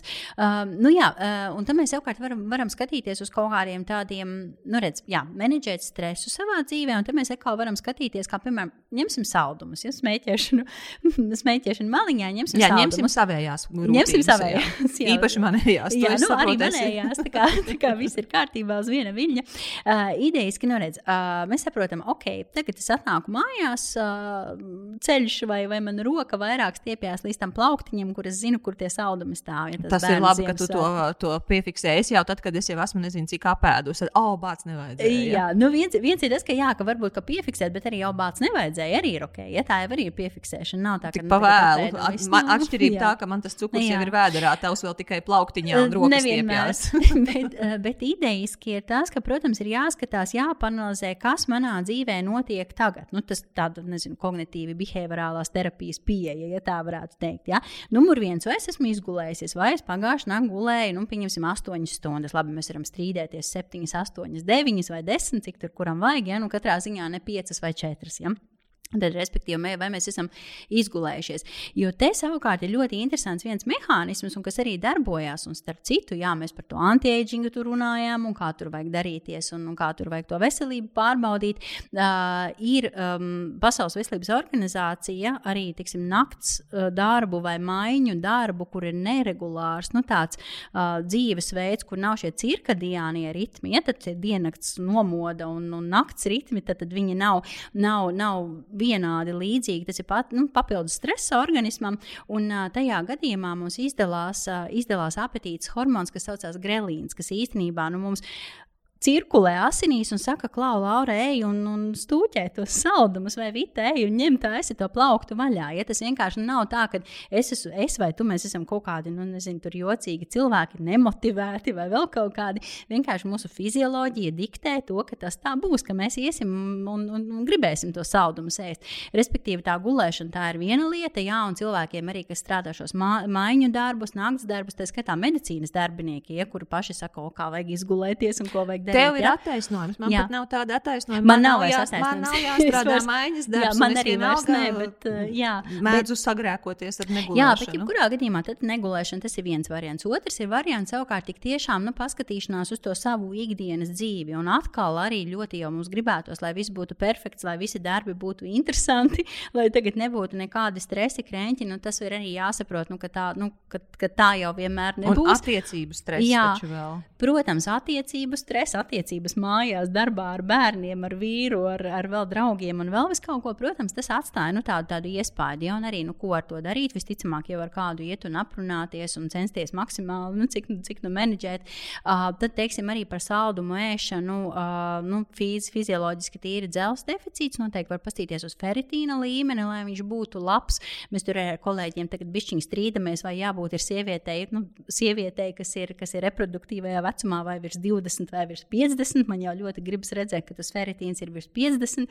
Un, teiksim, tā, nu, kad jābūt tādām labām dzelzceļa rezervēm, nedrīkst būt nu, par anēmiju nemaz nerunājot, jo tad mazasinību, ja tas arī būs lietas, ka mums vienkārši vairāk gribēsies uh, ēst saldumus. Ja anēmija ir mazasinība, un mazasinībai var būt daudz un dažādi nu, iemesli, gan B12. Paskaidro, ko nozīmē mazasinība. Tas nozīmē, ka maz asiņu, ja asinīs maz tas, tas nozīmē, ka mēs nododam tādu rādītāju, kas saucās pilna asinsaina, un mēs redzam, ka tur ir vai nu zemi eritrocīti, vai nu zemes hemoglobīns vai hematokrīts, tādi rādītāji.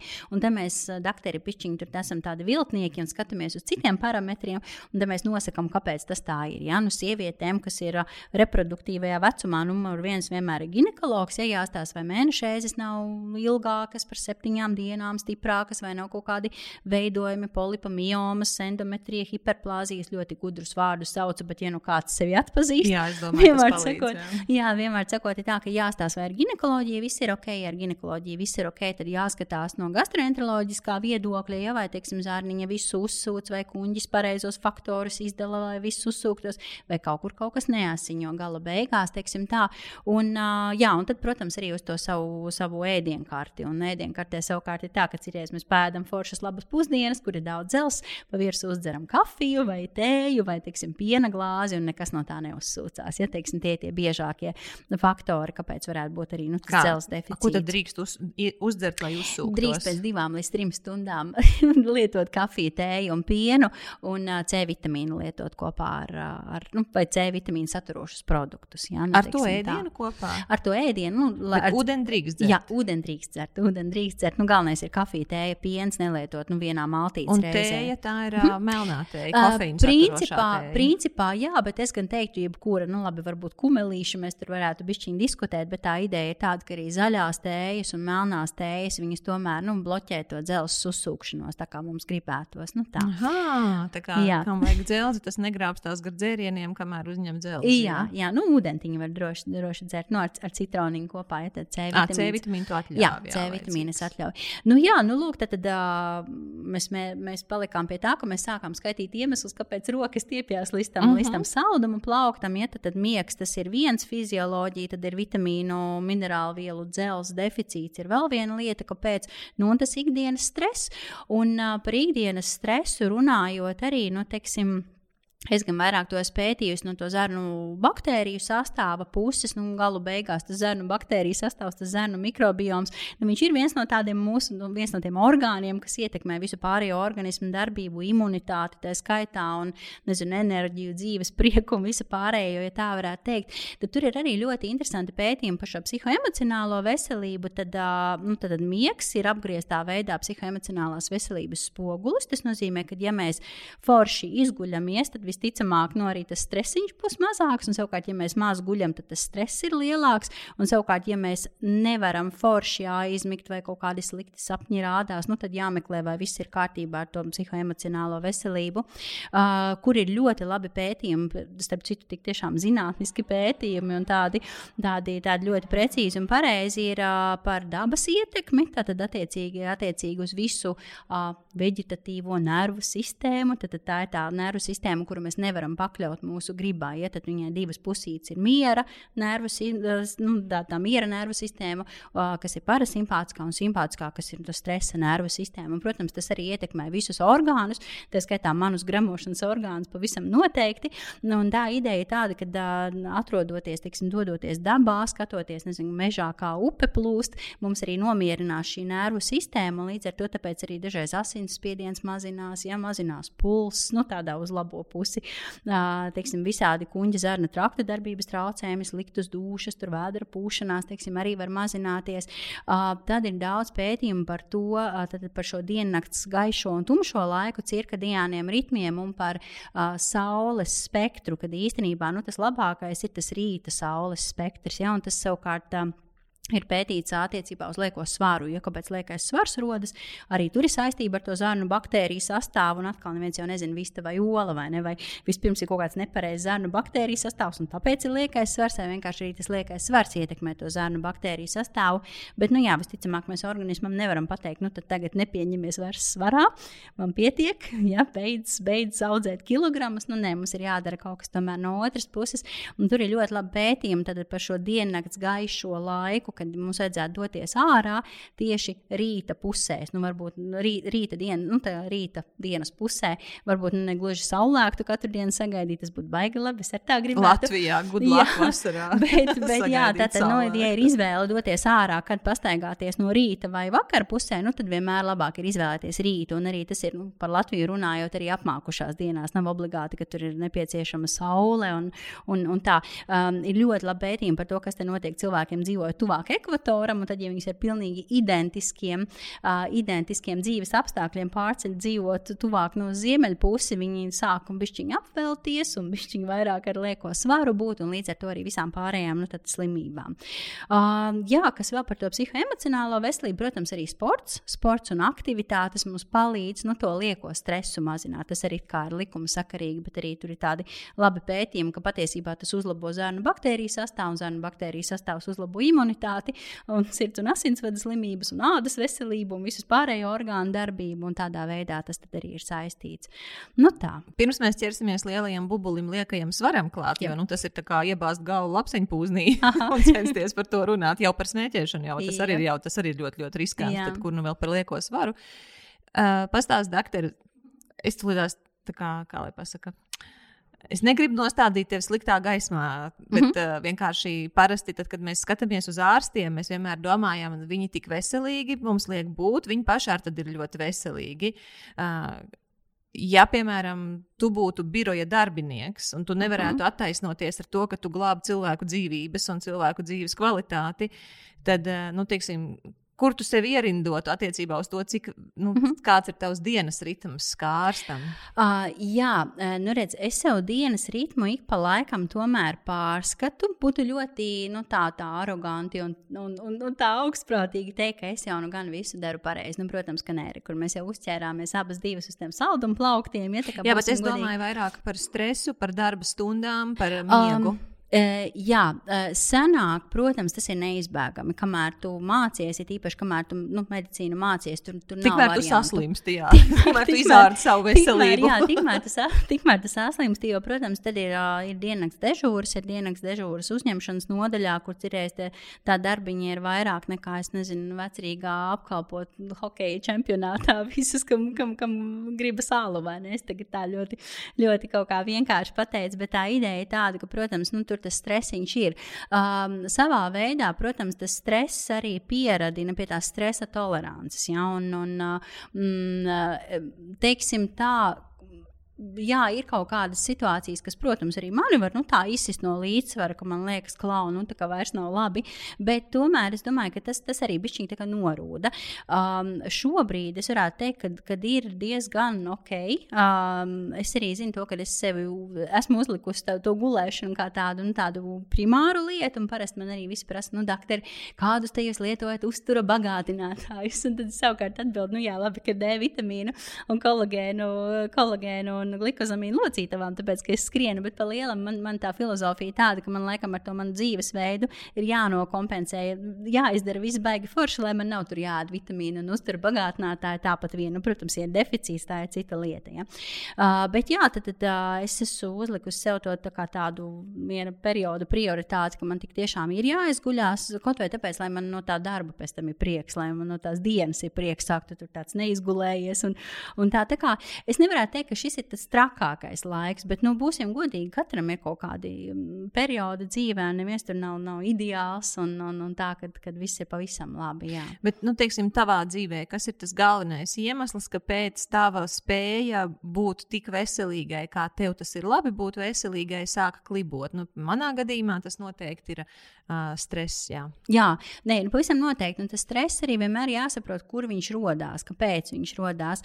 Um, es domāju, ka noteikti jāstāsta uz darba apjomu, cik mēs cenšamies kaut kādā vienā laika vienībā nu, iespiest, paveikt.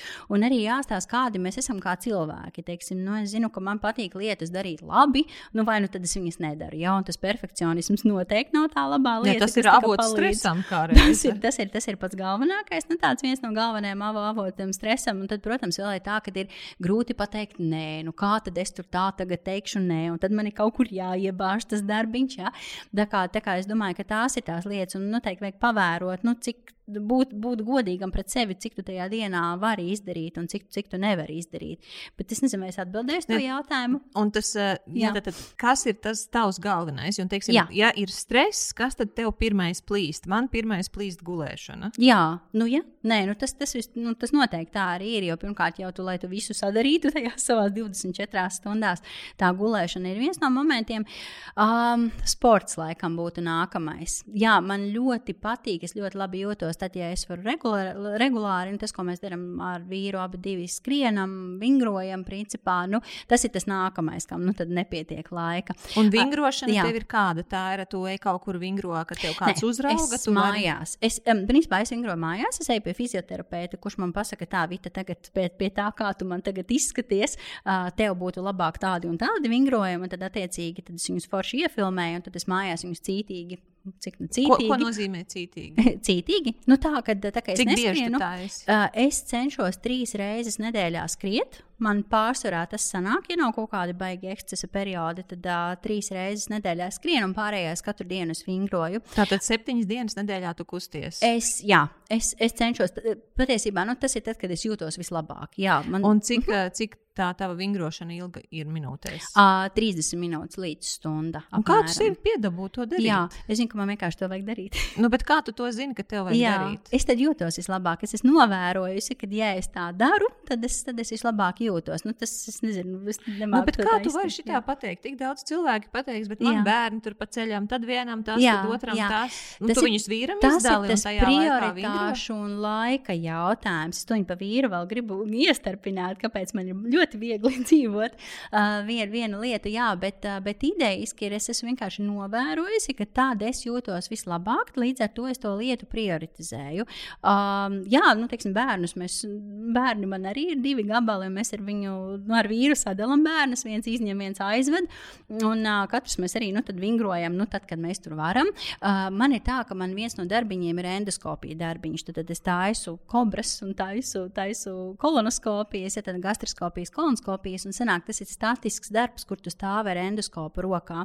Un vienkārši, ja tu nevingro, tad tu to ļoti, ļoti izjūti ikdienā. Ja kā tu to es, to es saprotu, ka tas man ir vajadzīgs, lai es varētu ilgi un kvalitatīvi un labi, labi strādāt palīdzētu. Un nevis tāpēc, ka tas tā ir tā teorētiski labi, bet tāpēc, ka es to arī ikdienā izjūtu. Ja? Tad Tev arī ir iebjās diskomforts. Ja? Man, jā, paldies, tieši tā. tas ir tas, pēc kā es lūkojos. Man ielika vārds, man, man arī nepatīk diskomforts. Tāpēc, uh, savukārt, uh, tad ir vesela virkne ar lietām, kas man dzīvē ir ļoti labi sakārtotas. Tur es nezinu, kam lai saka paldies, vai sev, vai vīram, vai vienkārši apstākļu sakritībai, ka mēs esam kopā.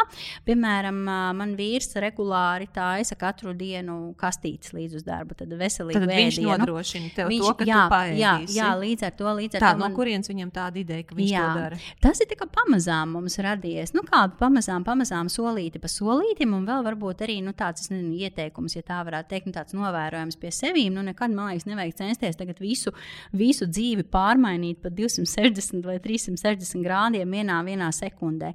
Skaidrs ir tas, ka tu ej solīti pa solītim. Nu, no sākuma, jā, mēs skatījāmies, tad, tad nu, arī caur šo zarnu mikrobiomu prizmu, caur šo ilgdzīvotāju prizmu, kad nu, veselīgākās ir tās nu, vidusjūras un ziemeļdiētas principi. Nu, ļoti līdzīgi arī ar ilgdzīvotāju zonu sēdi. Ja, tad, tad daudz pilngraudu produktu, daudz augļu, dārzeņu, teiksim, nu, tā retu, retu reizi kaut kāda sarkanā gaļa, piena produktu, olas. Teiksim, tā. un tad mēs sapratām, ka jā, ok, tad acīm redzot, vienkārši ir kaut kā sava tā dzīve jāpārstrukturizē bišķiņi tā, lai mēs varam forši to nodrošināt. Jā, un mhm. tas vīrs ir tas, kuram patīk taisīt ēst, nu, viņam sanāk, jāsaka tā, nu, kuram gan patīk, tas tāpat kā man patīk veļu mazgāt. Jā. nu, jā, tas tā labi teikts. Bet uh, idejiski tā, ka viņš taisa uh, ēst vienu reizi nedēļā, nu, divreiz nedēļā, un tad mēs gatavojam nu, šis food prep vai ēdienu gatavošanu iepriekš. Mēs jau tā dzīvojam kādus divus gadus, manuprāt, jā, un tas ir ļoti, ļoti veiksmīgi un forši. Un tad ir šīs sabalansētās kastītes, kur tad ir viss, kas ir vajadzīgs. Un tas labums varbūt ir arī tāds, ka. Uh, Ja tu veselīgi ēd, un tas arī savukārt ir zinātnē pamatots, tad arī tas zarnu baktēriju sastāvs, nu, ir tas, ko mēs ēdam. Līdz ar to viņš arī bišķiņ pieprasa to, ko mēs ēdam. Ja? Un, un tad man ir uh, kaut, kaut kad arī tā, tādā stresa posmā, es biju arī iegājis veikalā, es domāju, nu, man tagad nu, vīrs nav blakām, tagad es pirkšu kaut ko neveselīgu. Un es aizēju, es nopērku vistu, uh, kefīru un pilngraudu maizi. Iesaucās pirkšu neveselīgi. Ja? Tā kā vienkārši tev pat tev pat vairs, nes, nu, teiksim, tā, tu pats neskaties vairs uz tiem saldumiem, veikalā tik ļoti, vai arī, nezinu, čipšiem, ko tu varbūt sanāk būtu, būtu ielicis tajā savā groziņā. Protams, nevienmēr viss ir tik ideāli, bet nu, tā ideja ir tāda, ka, ka tev jau organisms pišķiņ pats prasa to, ko tu ikdienā bet ēd. tas ir uzstrādāts ilglaicīgi. Tas nav jā, tā, ka tu nedēļu jā, tas ir paradums. Veselīgi, tas ir paradums, un arī ar vīru vakardien mēs runājam, viņš saka, nu, klau, es saprotu, ka uh, tas ir mans uzdevums, nu, tev tās kastītes taisa taisīt visu atlikušo mūžu. Nu, nav, tā, ka, nav tā, ka tas ir es ceru, ka kas kaut ko var uzzīvot. Jā, nu tad, tad respektīvi, ne, viņš saka, tas, tur es viņam pilnīgi piekrītu, ka tas, tas ir dzīves pārādums, tas ir dzīvesveids. Un tāpat jau īstenībā arī ar tiem visām, nezinu, stresa, stresa menedžmenta tehnikām un ar, ar, ar, ar, ar gulēšanām un vēl vis kaut ko. Tu saproti, ka tas nav tāds periods, ko nu tad tagad es pagulēšu labi. Tā nu, tad nu, nevis man tas ir tāds, es tagad uzraugu plānošu, es tagad mēnesi pārēdīšu veselīgi. Jā. Tu tā kā laicīgi plāno, kā es to visu dzīvi darīšu, ka es jā, dzīvēšu veselīgi. Tieši tā, tur ir tā lieta, un vēl ir tas, ka bieži vien arī cilvēks nu, savai veselībai, gan tam dzīvesveidam, gan tiem paradumiem, gan enerģijai, gan arī nu, patiesībā arī par tām pārbaudēm, veselības pārbaudēm runājot. Arī mēs bieži vien lietas darām nu, tā kampaņveidīgi un bieži vien dēļ bailēm. Nu, tā, kad ir kaut kam kaut kas atrasts, tagad mēs iesim pārbaudīties. Vai arī es nezinu nezinu, tagad ir pludmales sezona. Nu, kā es tur tā slikti izskatīšos pie tās jūras, nu, pie jūras, ja tagad man vajag ļoti tievēt. Um, respektīvi, ir tā, ka mēs to darām nevis aiz tādas nu, mīlestības pret sevi, nevis drīzāk, atbalstot sevi. Ir nevis atbalstot sevi, bet, bet drīzāk dēļ tādām vai nu dēļ bailēm, vai nu dēļ kaut kādiem nu, emo, nu, tā, tā emocionāli. Ja? Un, ja mēs to varam paskatīties, nodistancēties un nu, tā racionāli padomāt, domāju, arī ir vieglāk. Bet arī ne viss nav perfekti, nav runa par to. Tā, pirms Jā. mēs ejam pie liekā svara tēmas, es gribu pavisam vienkāršas lietas, netipiski, ko no doktoriem prasa, bet Jā. tā kā tev tik labi funkcionē milpreps un tā. Aha nosauc dažus ēdienus, kas ir jūsu mīlu prepa tāda regulāra sastāvdaļa. Jā. Nevis, nevis produktus, bet tieši ēdienus. Nezinu, mm -hmm. Kas tā ir lazaņa, nu, tas ir tikai piemērs. Jā, jā, jā sapratu. Uh, principā tās visas kastītes. Ja tā varētu teikt, tiek gatavotas pēc šķīvja principa, pēc veselīgas ēšanas pamatu principa. Nu, šis šķīvja princips, kur patiesībā puse ir svaigi augļi. Uh, dārzeņi, nevis augļi. Ne. Tad, tad dārzeņi, principā, lapu salāti, kaut kas tamlīdzīgs. Nu, katreiz, un arī starp citu, tie tiek sagriezti un nolikti nedēļai, ja lai nav tā, vai man atkal jāņem, jāgriež. Gurķis ripiņās ir gurķis ripiņās, jā, vai tomāts gabaliņos. Um, nav obligāti tā, ka tur ir kaut kas nu, tāds ekstra, ja tur es nezinu, visās varavīksnes krāsās, svaigs no koka plūkts. Ja. Tas, protams, būtu izcili, tad, ja nevienam, nu, teiksim, tā vispār nebūtu ko darīt. Un, ja nebūtu labi, Latvijā ne? februāris tāds, kāds ir ir februāris. Nu, tieši jā. tā, par ko ir stāsts. No ja, tad, respektīvi, protams, ja mums ir vasara, ja mums ir omes dārsts vai savs dārsts, super, to jā. visu vajag darīt, un tur vajag plūkt un, un ņemt un, un, un, un darīties. Ja? Bet, jā, ja mums ir tā, ka, nu, klau jau tā jau ir stress, un vēl man ir jāuzaudzē savs svaigais, nu, tad tas iedod vēl papildus kaut kādu tādu stresiņu. Nē, forši, ja tas organiski sanāk. Nu, lūk, tad, tad jā, pusīte ir, pusīte ir svaigi, svaigi augļi, dārzeņi, nu, dārzeņi šajā gadījumā. Tad ir ceturdaļa ir pilngraudu produkti, un katru reizi vai nu, tā, vai nu tie ir grīķi, vai nu brūnie rīsti. Nu, mēs neesam ļoti tādi uh, nu, avansēti, teiksim, tā. Nu, katru, citreiz kartupēlis, kartupēlis arī ir ok. Ja nav tā, ka kartupēlis nedrīkst sievietei ēst, ja? un kartupēlis nav dārzenis, kartupēlis ir, ir cieti saturošs produkts, un tāpēc iet kopā ar pilngraudu produktiem. Kartupēlis ir dārzenis, bet vienkārši no uztura viedokļa jūs no, viņu nerēķinat kā dārzenis. Jā, viņš, ne, jā, būs, tieši tā, viņš netiek rēķināts kā dārzenis. Un tad savukārt ir ceturdaļa, kas kas ir, kas ir proteīns. Un ar proteīnu savukārt ir tā, ka ļoti, patiesībā ļoti daudz cilvēku proteīnu grēko. Proteīns ir varbūt tas, kur, nu, kurš ir pamazs. Vismaz es zinu, ka mūsu tajā ēdienkartē, tāpēc mēs īpaši, īpaši skatāmies uz viņu. Uh, arī ir svarīgi, lai tas nebūtu akurāti, nezinu, tur cūgaļas kotletes, teiksim tā, ja, nu, tas, tas tur nav pārsvarā, tas ir vai nu vistiņa, vai nu tofu siers, vai nu, um, vai nu pupas, bet, nu, teiksim, ja par pupām runā, tad noteikti jāsaprot, ka tas ir arī ogļhidrāts, ja, tad tas mums arī sadalās pie tie svaigā augļu dārziņa un pie tiem piln, piln, mm -hmm. pilngraudu produktiem, ja tā var teikt. Nu, tas nebūs tīrs proteīns. Ja? Tā kā nu, tāda tā kastīte apmēram izskatās, un katreiz tiek kaut kas bišķiņi pamainīts, variēts. Nu, tā skaidrs, liels Samērā paldies. vienkārši. liels paldies. Nu, tad ejam tagad pie tās liekās svara tēmas, bet tagad ir cilvēks, kam ir liekais svars, un tas cilvēks ar to lieko svaru netiek galā. Mm -hmm. Ir grūti. Jā. Un tagad šī kolosālā mīļā doktora vēl stāstīs, cik tas ir bīstami. Man jau tā, raudiens nāk no jā, tā, ka redzes netiek no tiem taukiem varbūt vaļā. Tagad es vēl uzzināšu, kā, ka Dievs es vēl savu dzīvību lieku briesmās. Jā, Un kā, kā mēs jā. vispār varam par šo tēmu runāt, lai nenodarītu kādam pāri? Jā, tas ir, tas ir grūti. Jā, un paldies, ka tu šo jautājumu ieskicēji. Vēl īstenībā ir vēl viens solīts, ko es gribu pakāpties atpakaļ. Uh, teiksim, ja es mājās, man ir uh, desmitgadīga meita, ja es mājās sāku runāt nu, par svara jautājumiem kā tādiem, ja, un uh, es vienmēr īstenībā esmu teikusi, nu, ka nav mana darīšana, kā kurš izskatās, nezinu, pludmales sezonā vai, nezinu, Ziemassvētku tur balles kleitā, jo, nu, būsim godīgi, un arī, teiksim, um, ārsta kabinetā es mēdzu, uh, nu, negluži vienmēr pirmajā vizītē, ja ļoti daudz ko risināt, bet vizīšu sērijā es vienmēr mēdzu pa pamērīt, cik ir ķermeņa masas indeks, ja šim nepieklājīgam jautājumam tomēr pieskarties.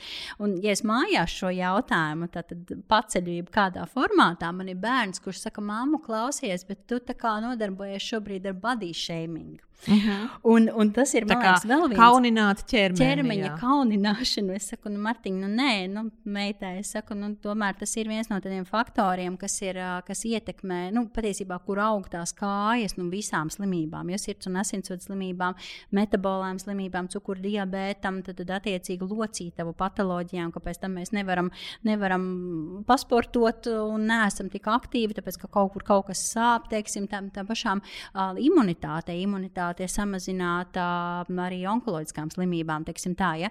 Tā kā es domāju, ka tas nav tikai tāds, nu, tāds, tāds mm, nu, uh, emocionāls, sensitīvs jautājums. Ir vesela paudze, kas īstenībā aug, uh, aug ar to, ka uh, nu, mēs esam tādi, kādi mēs esam, un, un, un viss, un tā ir tā kastīte. No vienas puses tas ir ļoti labi, tādā ziņā, ka, protams, nu, nav mērķis šobrīd ņemt un pārdzīvot vaimanu, vaimanu, cik traki ir. Un arī nav mērķis kampaņveidīgi, kā mēs arī tikko nu, pieskārāmies pie, pie, pie šīs tēmas, ka tagad, nu, tagad doktors Kuja izstāsta, nu, tagad es gan ņem, ņemšu, atvēsēšos un trīs mēnešus kārtīgi metīšu svaru no snēna drīzāk. Tas jautājums ir drīzāk veikt kaut kādus tādus nezinu, dzīvesveida korekcijas, tādas, kuras mums vi, nu, nosacīti nu, viegli nāk, arī ļoti viegli pateikt, bet tad, tad pa, vienai, pa, pa vienai dzīvesveida korekcijai uz to virzienu tad, tad mēs ejam, tā lai mums tas ir nu, kā paliekoši, kā nu, tāds, tāds paliekošs ieradums, jo, jo citādāk, man liekas, ar to cīnīties ir nu, samērā pagrūti. Uh, bet jā, bet dakteri, tā skaitā es, mēs noteikti mums nu, tiešām, nu, man liekas, ka visi ir forši un visi ir smuki smuki, un es domāju, ka nu, nav mana darīšana, kā kurš izskatās. Uh, runa ir par veselību, un ja savukārt tajā vizītē es nepateikšu, klau, nu, tas ķermeņa masas indeks ir bijis pa lielu, tad ķermeņa masas indeks virs 25. Uh, ir tas, kur mēs kā doktori sākam piekasīties, ja tā varētu teikt. Nu, protams, mēs arī varam skatīties uz ķermeņa kompozīciju. Tas arī ļoti svarīgi, jo arī muskuļi sver, arī ūdens un šķidrums, tūskas sver. Nav tā, ka tie ir tikai tauki, kas tur sver. Ja? Tāpēc ir tāds bioimpedances izmeklējums, ar ko mēs varam noteikt to ķermeņa kompozīciju. Uh, jā, nu, tā ideja ir tāda, ka, protams, mūsu uzdevums tomēr ir norādīt, nu, ka tas ķermeņa masas indeks ir saistīts ar lielāku saslimstību. Un, no kurienes vispār tam ķermeņa masas indeksam aug kājas? Principā ir tā, ka tas, nu, tas tāds vidusceļš. Nu, ilgdzīvošana vis, vislielākā ir, ja tas ķermeņa masas indeks ir starp 22, nu, principā ap 22. Ja? Visa līkne, kas ir līdz tam, arī zemais svars ir ļoti slikti, un arī augstais svars ir ļoti slikti. Un kāpēc slikti? Tāpēc, ka pie tā vienkārši uh, palielinās. Uh, palielinās tad, tad, attiecīgi nu, saslimstību un nu, mirstību ar dažādām slimībām. Gan ar sirds un asinsvadu slimībām, gan arī ar ārējām visādām traumām, nu, patiesībā visām, visām slimībām. Un uh, vēl kas ir ļoti interesanti, ir tas, ka svārs pēc būtības, nu, katrai slimībai ir tāds um, epidemioloģiskais slimības attīstības modelis. Arī ļoti gudri pateica, bet ko tas nozīmē? Principā tie ir tādi trīs rimbulīši, un tie trīs rimbulīši ir slimības aģents, ja, kas izraisa slimību. Uh, vide, kur mēs esam, un tas pats nu, cilvēks. Un mēs vēl samērā nesen mums bija Covid-19 infekcija. Tātad tas varam... ir tas uh, aģents. Jā, jā tad Covid-19 ir aģents. Jā, mēs savukārt esam nezinu, neizgulējušies, nomocīti, darījuši garlaicīgu darbu, pārstresojušies ar sliktu imunitāti, kas to Covid-19 uzņem. Un tad, protams, tā vide ir nu, nezinu, draugu paziņu lokus neviedinātās telpās, kas tagad nošķaudās. Ja? Mm -hmm. Un līdzīgi arī ar svaru. Svars arī, nu, teiksim, tā, ja tā ļoti tā medicīniski zinātniski un strikti runāju, uh, mēs viņu liekam pie diagnozēm. Uh, tad, virssvars un uh, adipozitāte vai aptaukošanās pa vairākām pakāpēm, uh, mēs viņu liekam kā diagnozi pie slimībām. Un nevis tāpēc, ka tagad mums patiktu tur ar pirkstu iebakstīt un teikt, ka šī ir jūsu vājā vieta, bet tāpēc, ka no šīs, no teiksim tā, no šī stāvokļa attīstās visas pārējās. Un te ir runa par to sekundāro profilaksi. Ja primārā profilaks ir tā, ka mēs darām kaut ko, lai nesaslimtu vispār, tad savukārt sekundārā profilaks ir tas, ka mēs tomēr izceram tos stāvokļus, kuri var saistīties ar komplikāciju attīstību. Ja? Tad no šīs vara var būt komplikācijas. Nu, jā, un tad atgriežoties pie šī epidemioloģiskā modeļa, protams, tur ir šis slimības aģents, un šis slimības aģents ir nu, pa maz kustamies un pa daudz ēdam, uh, bet mums ir arī šis vidas faktors un šis uh, nu, personīgais faktors. Un vidas faktors, protams, ir nezinu, darba kolektīvs, kur katru dienu mēs uzklājam pusdienu galdu, kur ir kūkas, vai arī nezinu, vīrs, kurš vai nu ko te atkal ar tiem salātiem muļķojies, vai ne? Vai arī uh, nezinu, ģimene bērnībā, teiksim, vai uh, skola, nu, ģimene bērnībā, kur mēs esam pieraduši kaut kā konkrēti. Un kas tagad nezinu, saka, kas tu te jā, ķēmojies? Centies paiet kārtīgi. Par ko, ēdienu. par ko ir stāsts? Jā, tad, tad attiecīgi nu, šis vides faktors un arī nu, jā, tad, tad, ēšana ir viens, otrs ir tās kustības. Ja vai mums ir iespējams uh, uz darbu aiziet ar kājām, vai nezinu, izkāpt tur to pieturu iepriekš, ko visi parasti saka, vai nezinu, vai ir veloceliņš uz darbu, lai ar riteni aizbrauktu, vai ir vieta, kur riteni nolikt tā, lai viņi nenozog. Ja? Nu, piemēram, tādas elementāras lietas. Tā varbūt ir tā vide. Savukārt tas cilvēks pats par sevi, protams, tur ir ļoti svarīgi saprast, vai nav kaut kāda slimība, kāpēc tas svars aug, piemēram, vairogdziedzers, ja viņš strādā pa mazu un pa lēnu, vielmaiņa būs daudz lēnāka, teiksim, nu, kā elementāra lieta, ko mēs varam smuki noteikt, vai nav kaut kāds hormonu disbalans, kāpēc tas tā notiek. Un, protams, arī, arī šeit ir, un šeit savukārt ir tas lielais, nu, ja tā varētu teikt, tas bubulis, tā psihoemocionālā sadaļa, kāpēc mēs, nu, kāpēc mēs tur, teiksim, ēdam, pārēdamies tos saldumus tieši ēdam, vai, vai tieši mums garšo dikti tādi trakni, neveselīgi ēdieni. Jo, protams, tas nomierina, tas tādu mieriņu iedod. Jā, un, tas un, ir, un, ir labi. Jā, ir labi, vairs neko nevajag. Ja, kā, nu, protams, es tagad tā banalizēju, bet pa lielam, ja mēs katru cilvēku ņemtu un kartētu, tad viss nav tik vienkārši, kā, nu, ko tad, ko tad tur pa daudz ēdam, pa maz kustamies. Realtātē tas ir, tas ir, tas ir visi, visi tie nu, trīs, trīs lielie spektri, ja tā ņem. Tur zem katra var skaitīt, un tā skaitā vēl ģenētiku tur ieskaitīt. Ja, Tad pastāstiet, kāpēc tad tā, tas liekais svars uh, ir tik uh, kaitīgs veselībai? Jā, uh, liekais svars ir kaitīgs veselībai, tāpēc ka tas ir tāds, nu, tāds uh, Viņa, no, no viņa kājas aug visām pārējām slimībām. Kāpēc? Uh, tāpēc, ka um, pirmkārt, jā, nu, tur ir vairāki mehānismi, kāpēc tas tā notiek. Viens no mehānismiem ir tas, ka tauku šūnas, kuras mums ir pa daudz, ir metaboli aktīvas. Uh, Un tas nozīmē, ko? Nu, tad viņām ir sava tāda, nu, kā lai saka, vielmaiņa, ko, ko, ko viņas diktē organismā. Un patiesībā tā ir tāda iekaisuma vielmaiņa, ja tā varētu teikt. Respektīvi, liekās tauku šūnas mums uh, rada organismā iekaisumu. Un, nu, tāds, tāds biežāk pētītais varbūt ir tas tieši, tieši tas asinsvadu faktors. Ja, tad, tad, lai mums holesterīns sāktu ķepināties pie asinsvada un taisīt aterosklerozi, tad, tad aizkaļķotu asinsvadus un tālāk novestu pie insulta un infarkta un, un, un sirds mazspējas. Un par tām nierēm mēs tur vēl runājām iepriekš. Ja, tad, tad nierīce aiztaisīt ciet. Uh, tur ir jābūt tādam iekaisuma procesam tajā asinsvadu šūniņā. Un tas savukārt ir tas, ko tās, ko tās nu, tauku šūnas dara, tad viņas izdala iekaisuma vielas, kuras aiziet līdz tam asinsvadam, uztājas tādu iekaisumu asinsvadā, pie kā tas holesterīns var labāk pieķipināties klāt un stāvēt. Ja, tad, kā ateroskleroze. Un, protams, tas ir tas pamats, kāpēc rodas sirds un asinsvadu slimības. Nu, kā biežākās ar liekosvaru saistītās, uh, saistītās slimības.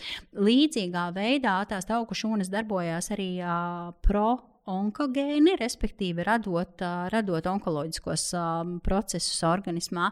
Um, ko vēl es varētu minēt? Nu, jā, tad, protams, ir cukura diabetes, otrā tipa cukura diabetes, kam pamatā ir insulīna rezistence. Un, uh, tur ir tā, ka šīs uh, tauku šūnas atkal, ko viņas dara Viņas, viņas nu, neļauj, neļauj nu, tā, atkal ļoti vienkāršot stāstīšu, neļauj vienkārši tam cukuriņam ieiet iekšā tajā šūnā un to enerģiju dot, bet aiziet un noglabāties viņam vēl, vēl nu, tad pat, papildus tauku šūnās. Tur gan tas process ir bijis savādāks, tur arī insulīns iesaistīts, bet nu, tā vienkāršot runājot. Uh, jā, uh, kas vēl, protams, tad ir, tad ir slimības, kas ir saistītas tieši ar lieko svaru kā kilogrami, kā piemēram mēs varam iedomāties ceļu locītavas, potīšu locītavas ka tā ir lielāka slodze. Locītavas, tieši tā, vienkārši tās locītavas, viņas nav, nu, teiksim, tā radītas, paredzētas, ka tur būs ķermeņa masas indeks virs 25. Ja viņas var forši funkcionēt, līdz tas ķermeņa masas indeks ir normāls, ja līdz ko ir vairāk, viņam ir vienkārši mehāniska slodze. Līdzīgi arī ir, teiksim, ir tāda lieta kā obstruktīva miega apnoja, kas ir vēl viens tāds nu, vesels nu, portāls, ar ko mēs atveram vēl tūkstošas slimības. Tā ideja ir tāda, ka arī cilvēks, kam ir liekais svars, ir īpaši, kam ir īss kakls, kakls, nu, tas tāds anesteziologa termins, viņiem vienkārši grūtāk ir nu, cilvēkus intubēt, tāpēc ir, ir tāds termins. Respektīvi, tā ideja ir tāda, ka uh, cilvēks naktī um, neelpo uz kaut kādu mirkli, ja līdz ar to smadzenēm pietrūkst skābeklis, smadzenes modina cilvēku augšā. Un atkal tas ir viens no, veidi, ka, viens no veidiem, kāpēc cilvēks nav izgulējies, kāpēc tur pa dienu tas stress lielāks un viss pārējais. Un, protams, šī neizgulēšanās atkal mums saistās ar to, ka pa dienu mums gribas vairāk pārējais paēst. Ja, tātad šis grēlīns, šis apetīts hormons mums ir augstāks.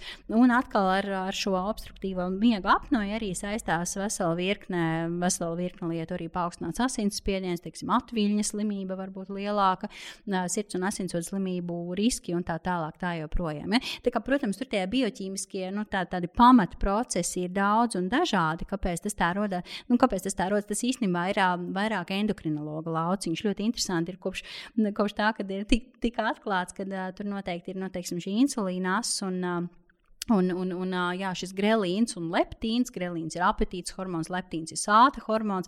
Līdz ko tas tika atklāts, nu, tad skaidrs, ka nu, tie ir iekšējās sekrēcijas tad, tad, uh, hormoni, un, un, un, un tas ir pārgājuši svara jautājums no endokrinologa tādā plauciņā, ja varētu teikt. Viņš noteikti varētu mācīt vēl sīkāk izskaidrot, kāpēc kāda procesa norisinās. Jā. E, tiem, kam gribās atsvaidzināt, jo es domāju, ka šo epizodi visticamākais ir dzirdējuši gandrīz visi mūsu klausītāji. Pati pirmā cilvēka jaudas epizode ar uh, profesoru Konrādu, tā arī ir ugunsskola.lv slīpsvītra cilvēka jauda viens. Mm -hmm. Kamēr nu, tas ir viens no, viens no, no saitēm, kas ir. Jā. Man liekas, ka doktori ļoti labi izskaidroja šo insulīna rezistenci. Nu, Bišķiņa gan zinātniskākā valodā, bet Jā. uh, Ļoti pēc labi, tava skaidrojuma varētu, varētu uh, arī saprast uh, visu tur. Tad, ja mēs runājam par šo lieko svaru, vai es pareizi sapratu, jo tu teici, ka to bīstamību izraisa tieši tās ekstra uh, tauku šūnas. Jā, teici, jā. vienkārši man vajag tā, lai man pielec manām smadzenēm, lai man ir vieglāk palīdzēt sev dzīvot veselīgāk. Jā, Tātad jā. ir tagad es uzēdos, piemēram, man tur aug tauciņi, uh mhm. -huh. un tās uh, liekās tauku šūnas, kuras, nu, teiksim, tad, kad es esmu labā formā, man tādu nav, bet tagad, teiksim, tās būtu.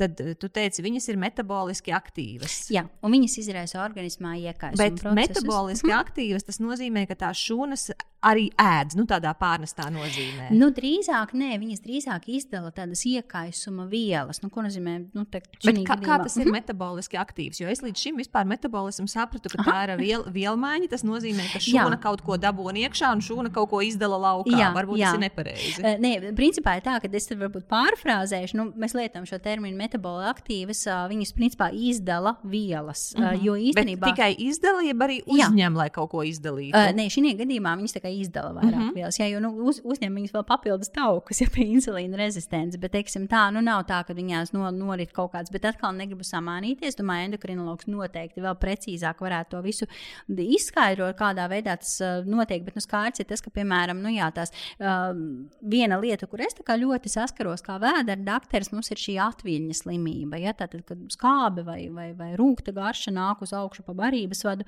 neslēdzās tas muskulīts, kas atdala barības vadu no kuņģa.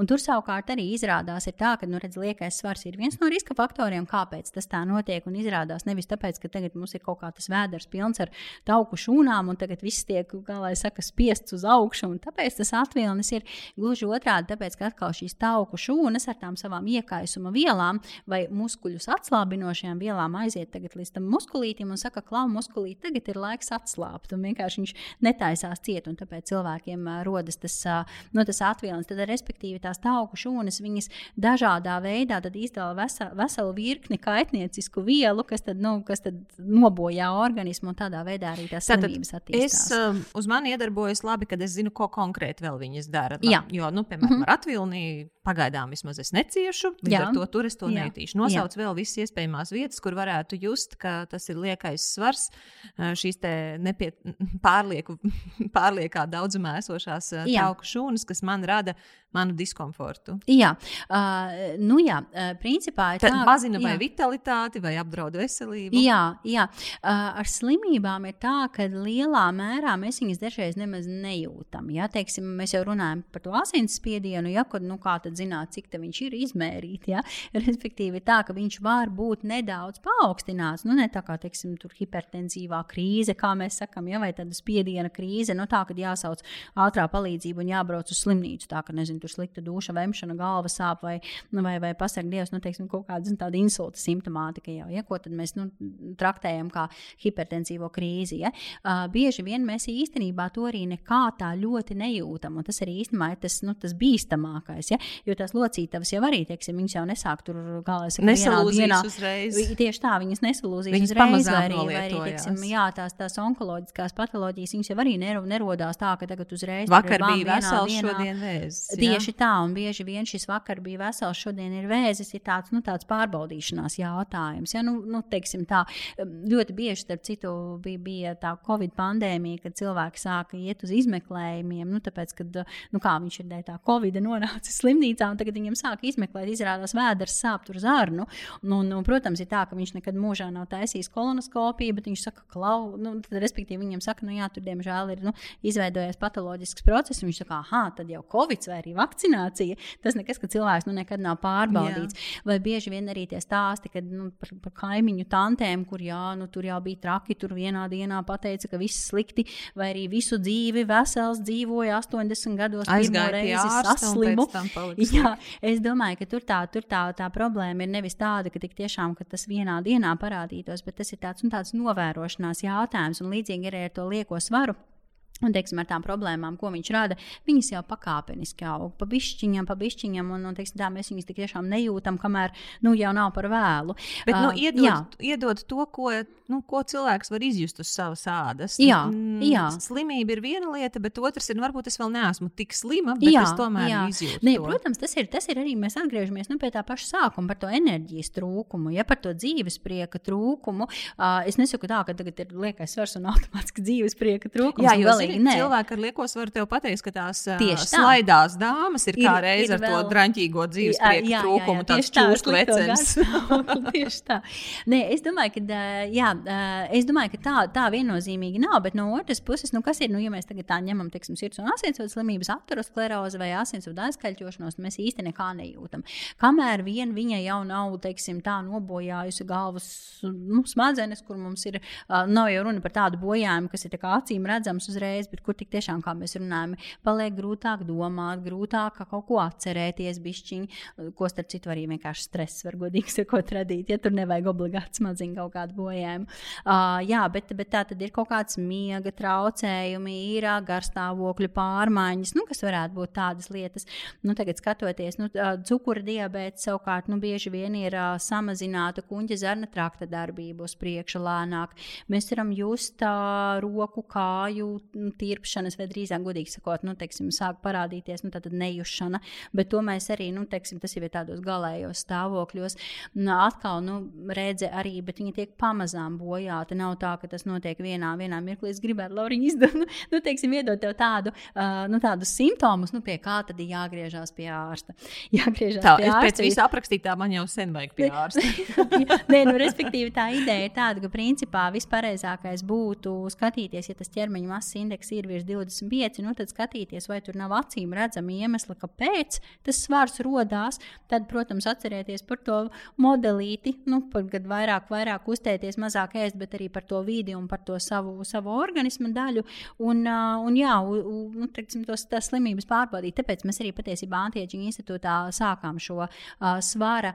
Uh, tā mēs viņu esam nosaukuši mazināšanas programma, bet būsim godīgi, drīzāk tā ir tāda veselības uzraudzības programma caur šo svara prizmu. Ja? Tad, noteikti iemeslus, kāpēc svars ir radies vai varētu rasties, un savukārt arī pastīties, vai nav kādas komplikācijas attīstījušās, un ja ir, tad nu, maksimāli darīt, tiksim, lai viņas tur arī tiktu nobremzētas. Ja? Un, un, protams, protams nu, tas mērķis arī to svaru zaudēt, bet tas nav tā, ka mēs tagad ielaižam visus mežā, dodam salātu lapas uz, uz mēnesi, un, un tad samēram, cik kilogrami mums ir zuduši. Ja drīzāk tās ir tādas nu, dzīvesveida pārmaiņas un ieteikumi, un plus veselības novērošana no šī nu, svara prizmas, teiksim tā. Ja? Tā kā, jā, piedod, es tev gribēju ļoti tādu precīzu sarakstu, bet no liela mēs daudz slimības arī varam nejust, kamēr nu, tik tiešām jau nav traki. Tā kā ar tiem zarnu polipiem, ja tad simptomu nekādu. Ja? Doktor, mm -hmm. mums ar tevi vajadzēs noteikti vēl kādu sarunu. Es mm -hmm. tev droši vien atkal divus gadus staigāšu pakaļ, līdz jā. es tev varēšu dabūt, bet es esmu izdomājis jau. Es vienkārši iesēdīšos ar ierakstu iekšā mašīnā, tad, kad tu brauc uz kuldīgu. pareizi, pareizi, jā, jā. Varbūt tas būs veids, kādā es varu tevi -hmm. ātrāk dabūt uz sarunu nekā pēc diviem gadiem. Jā. Saki, kādu atgrieznisko saiti tu vēlētos no cilvēkiem, kas šo sarunu ir noskatījušies vai noklausījušies? Um, jā, tad, tad kādu atgrieznisko saiti es tagad tā pie sevīm padomāšu. Uh, pirmkārt, jau es gribēju teikt, un jā, man ir pat žēl, ka es ar to nesāku šo sarunu. Es īstenībā esmu ļoti pateicīga par to mūsu pirmo sarunu, jo ļoti daudz, ļoti daudz cilvēki tieši ar atsauksmi no mūsu sarunas ir nonākuši manā ārsta kabinetā. Jā, manu un, vīru ieskaitot. Jā, tavu vīru ieskaitot. Jā, un uh, liels paldies. Vīrs bija ļoti smuka pušķīti man uzdāvinājis ar maipuķītēm. Ļoti smuki mājās smaržoja, ļoti patikās.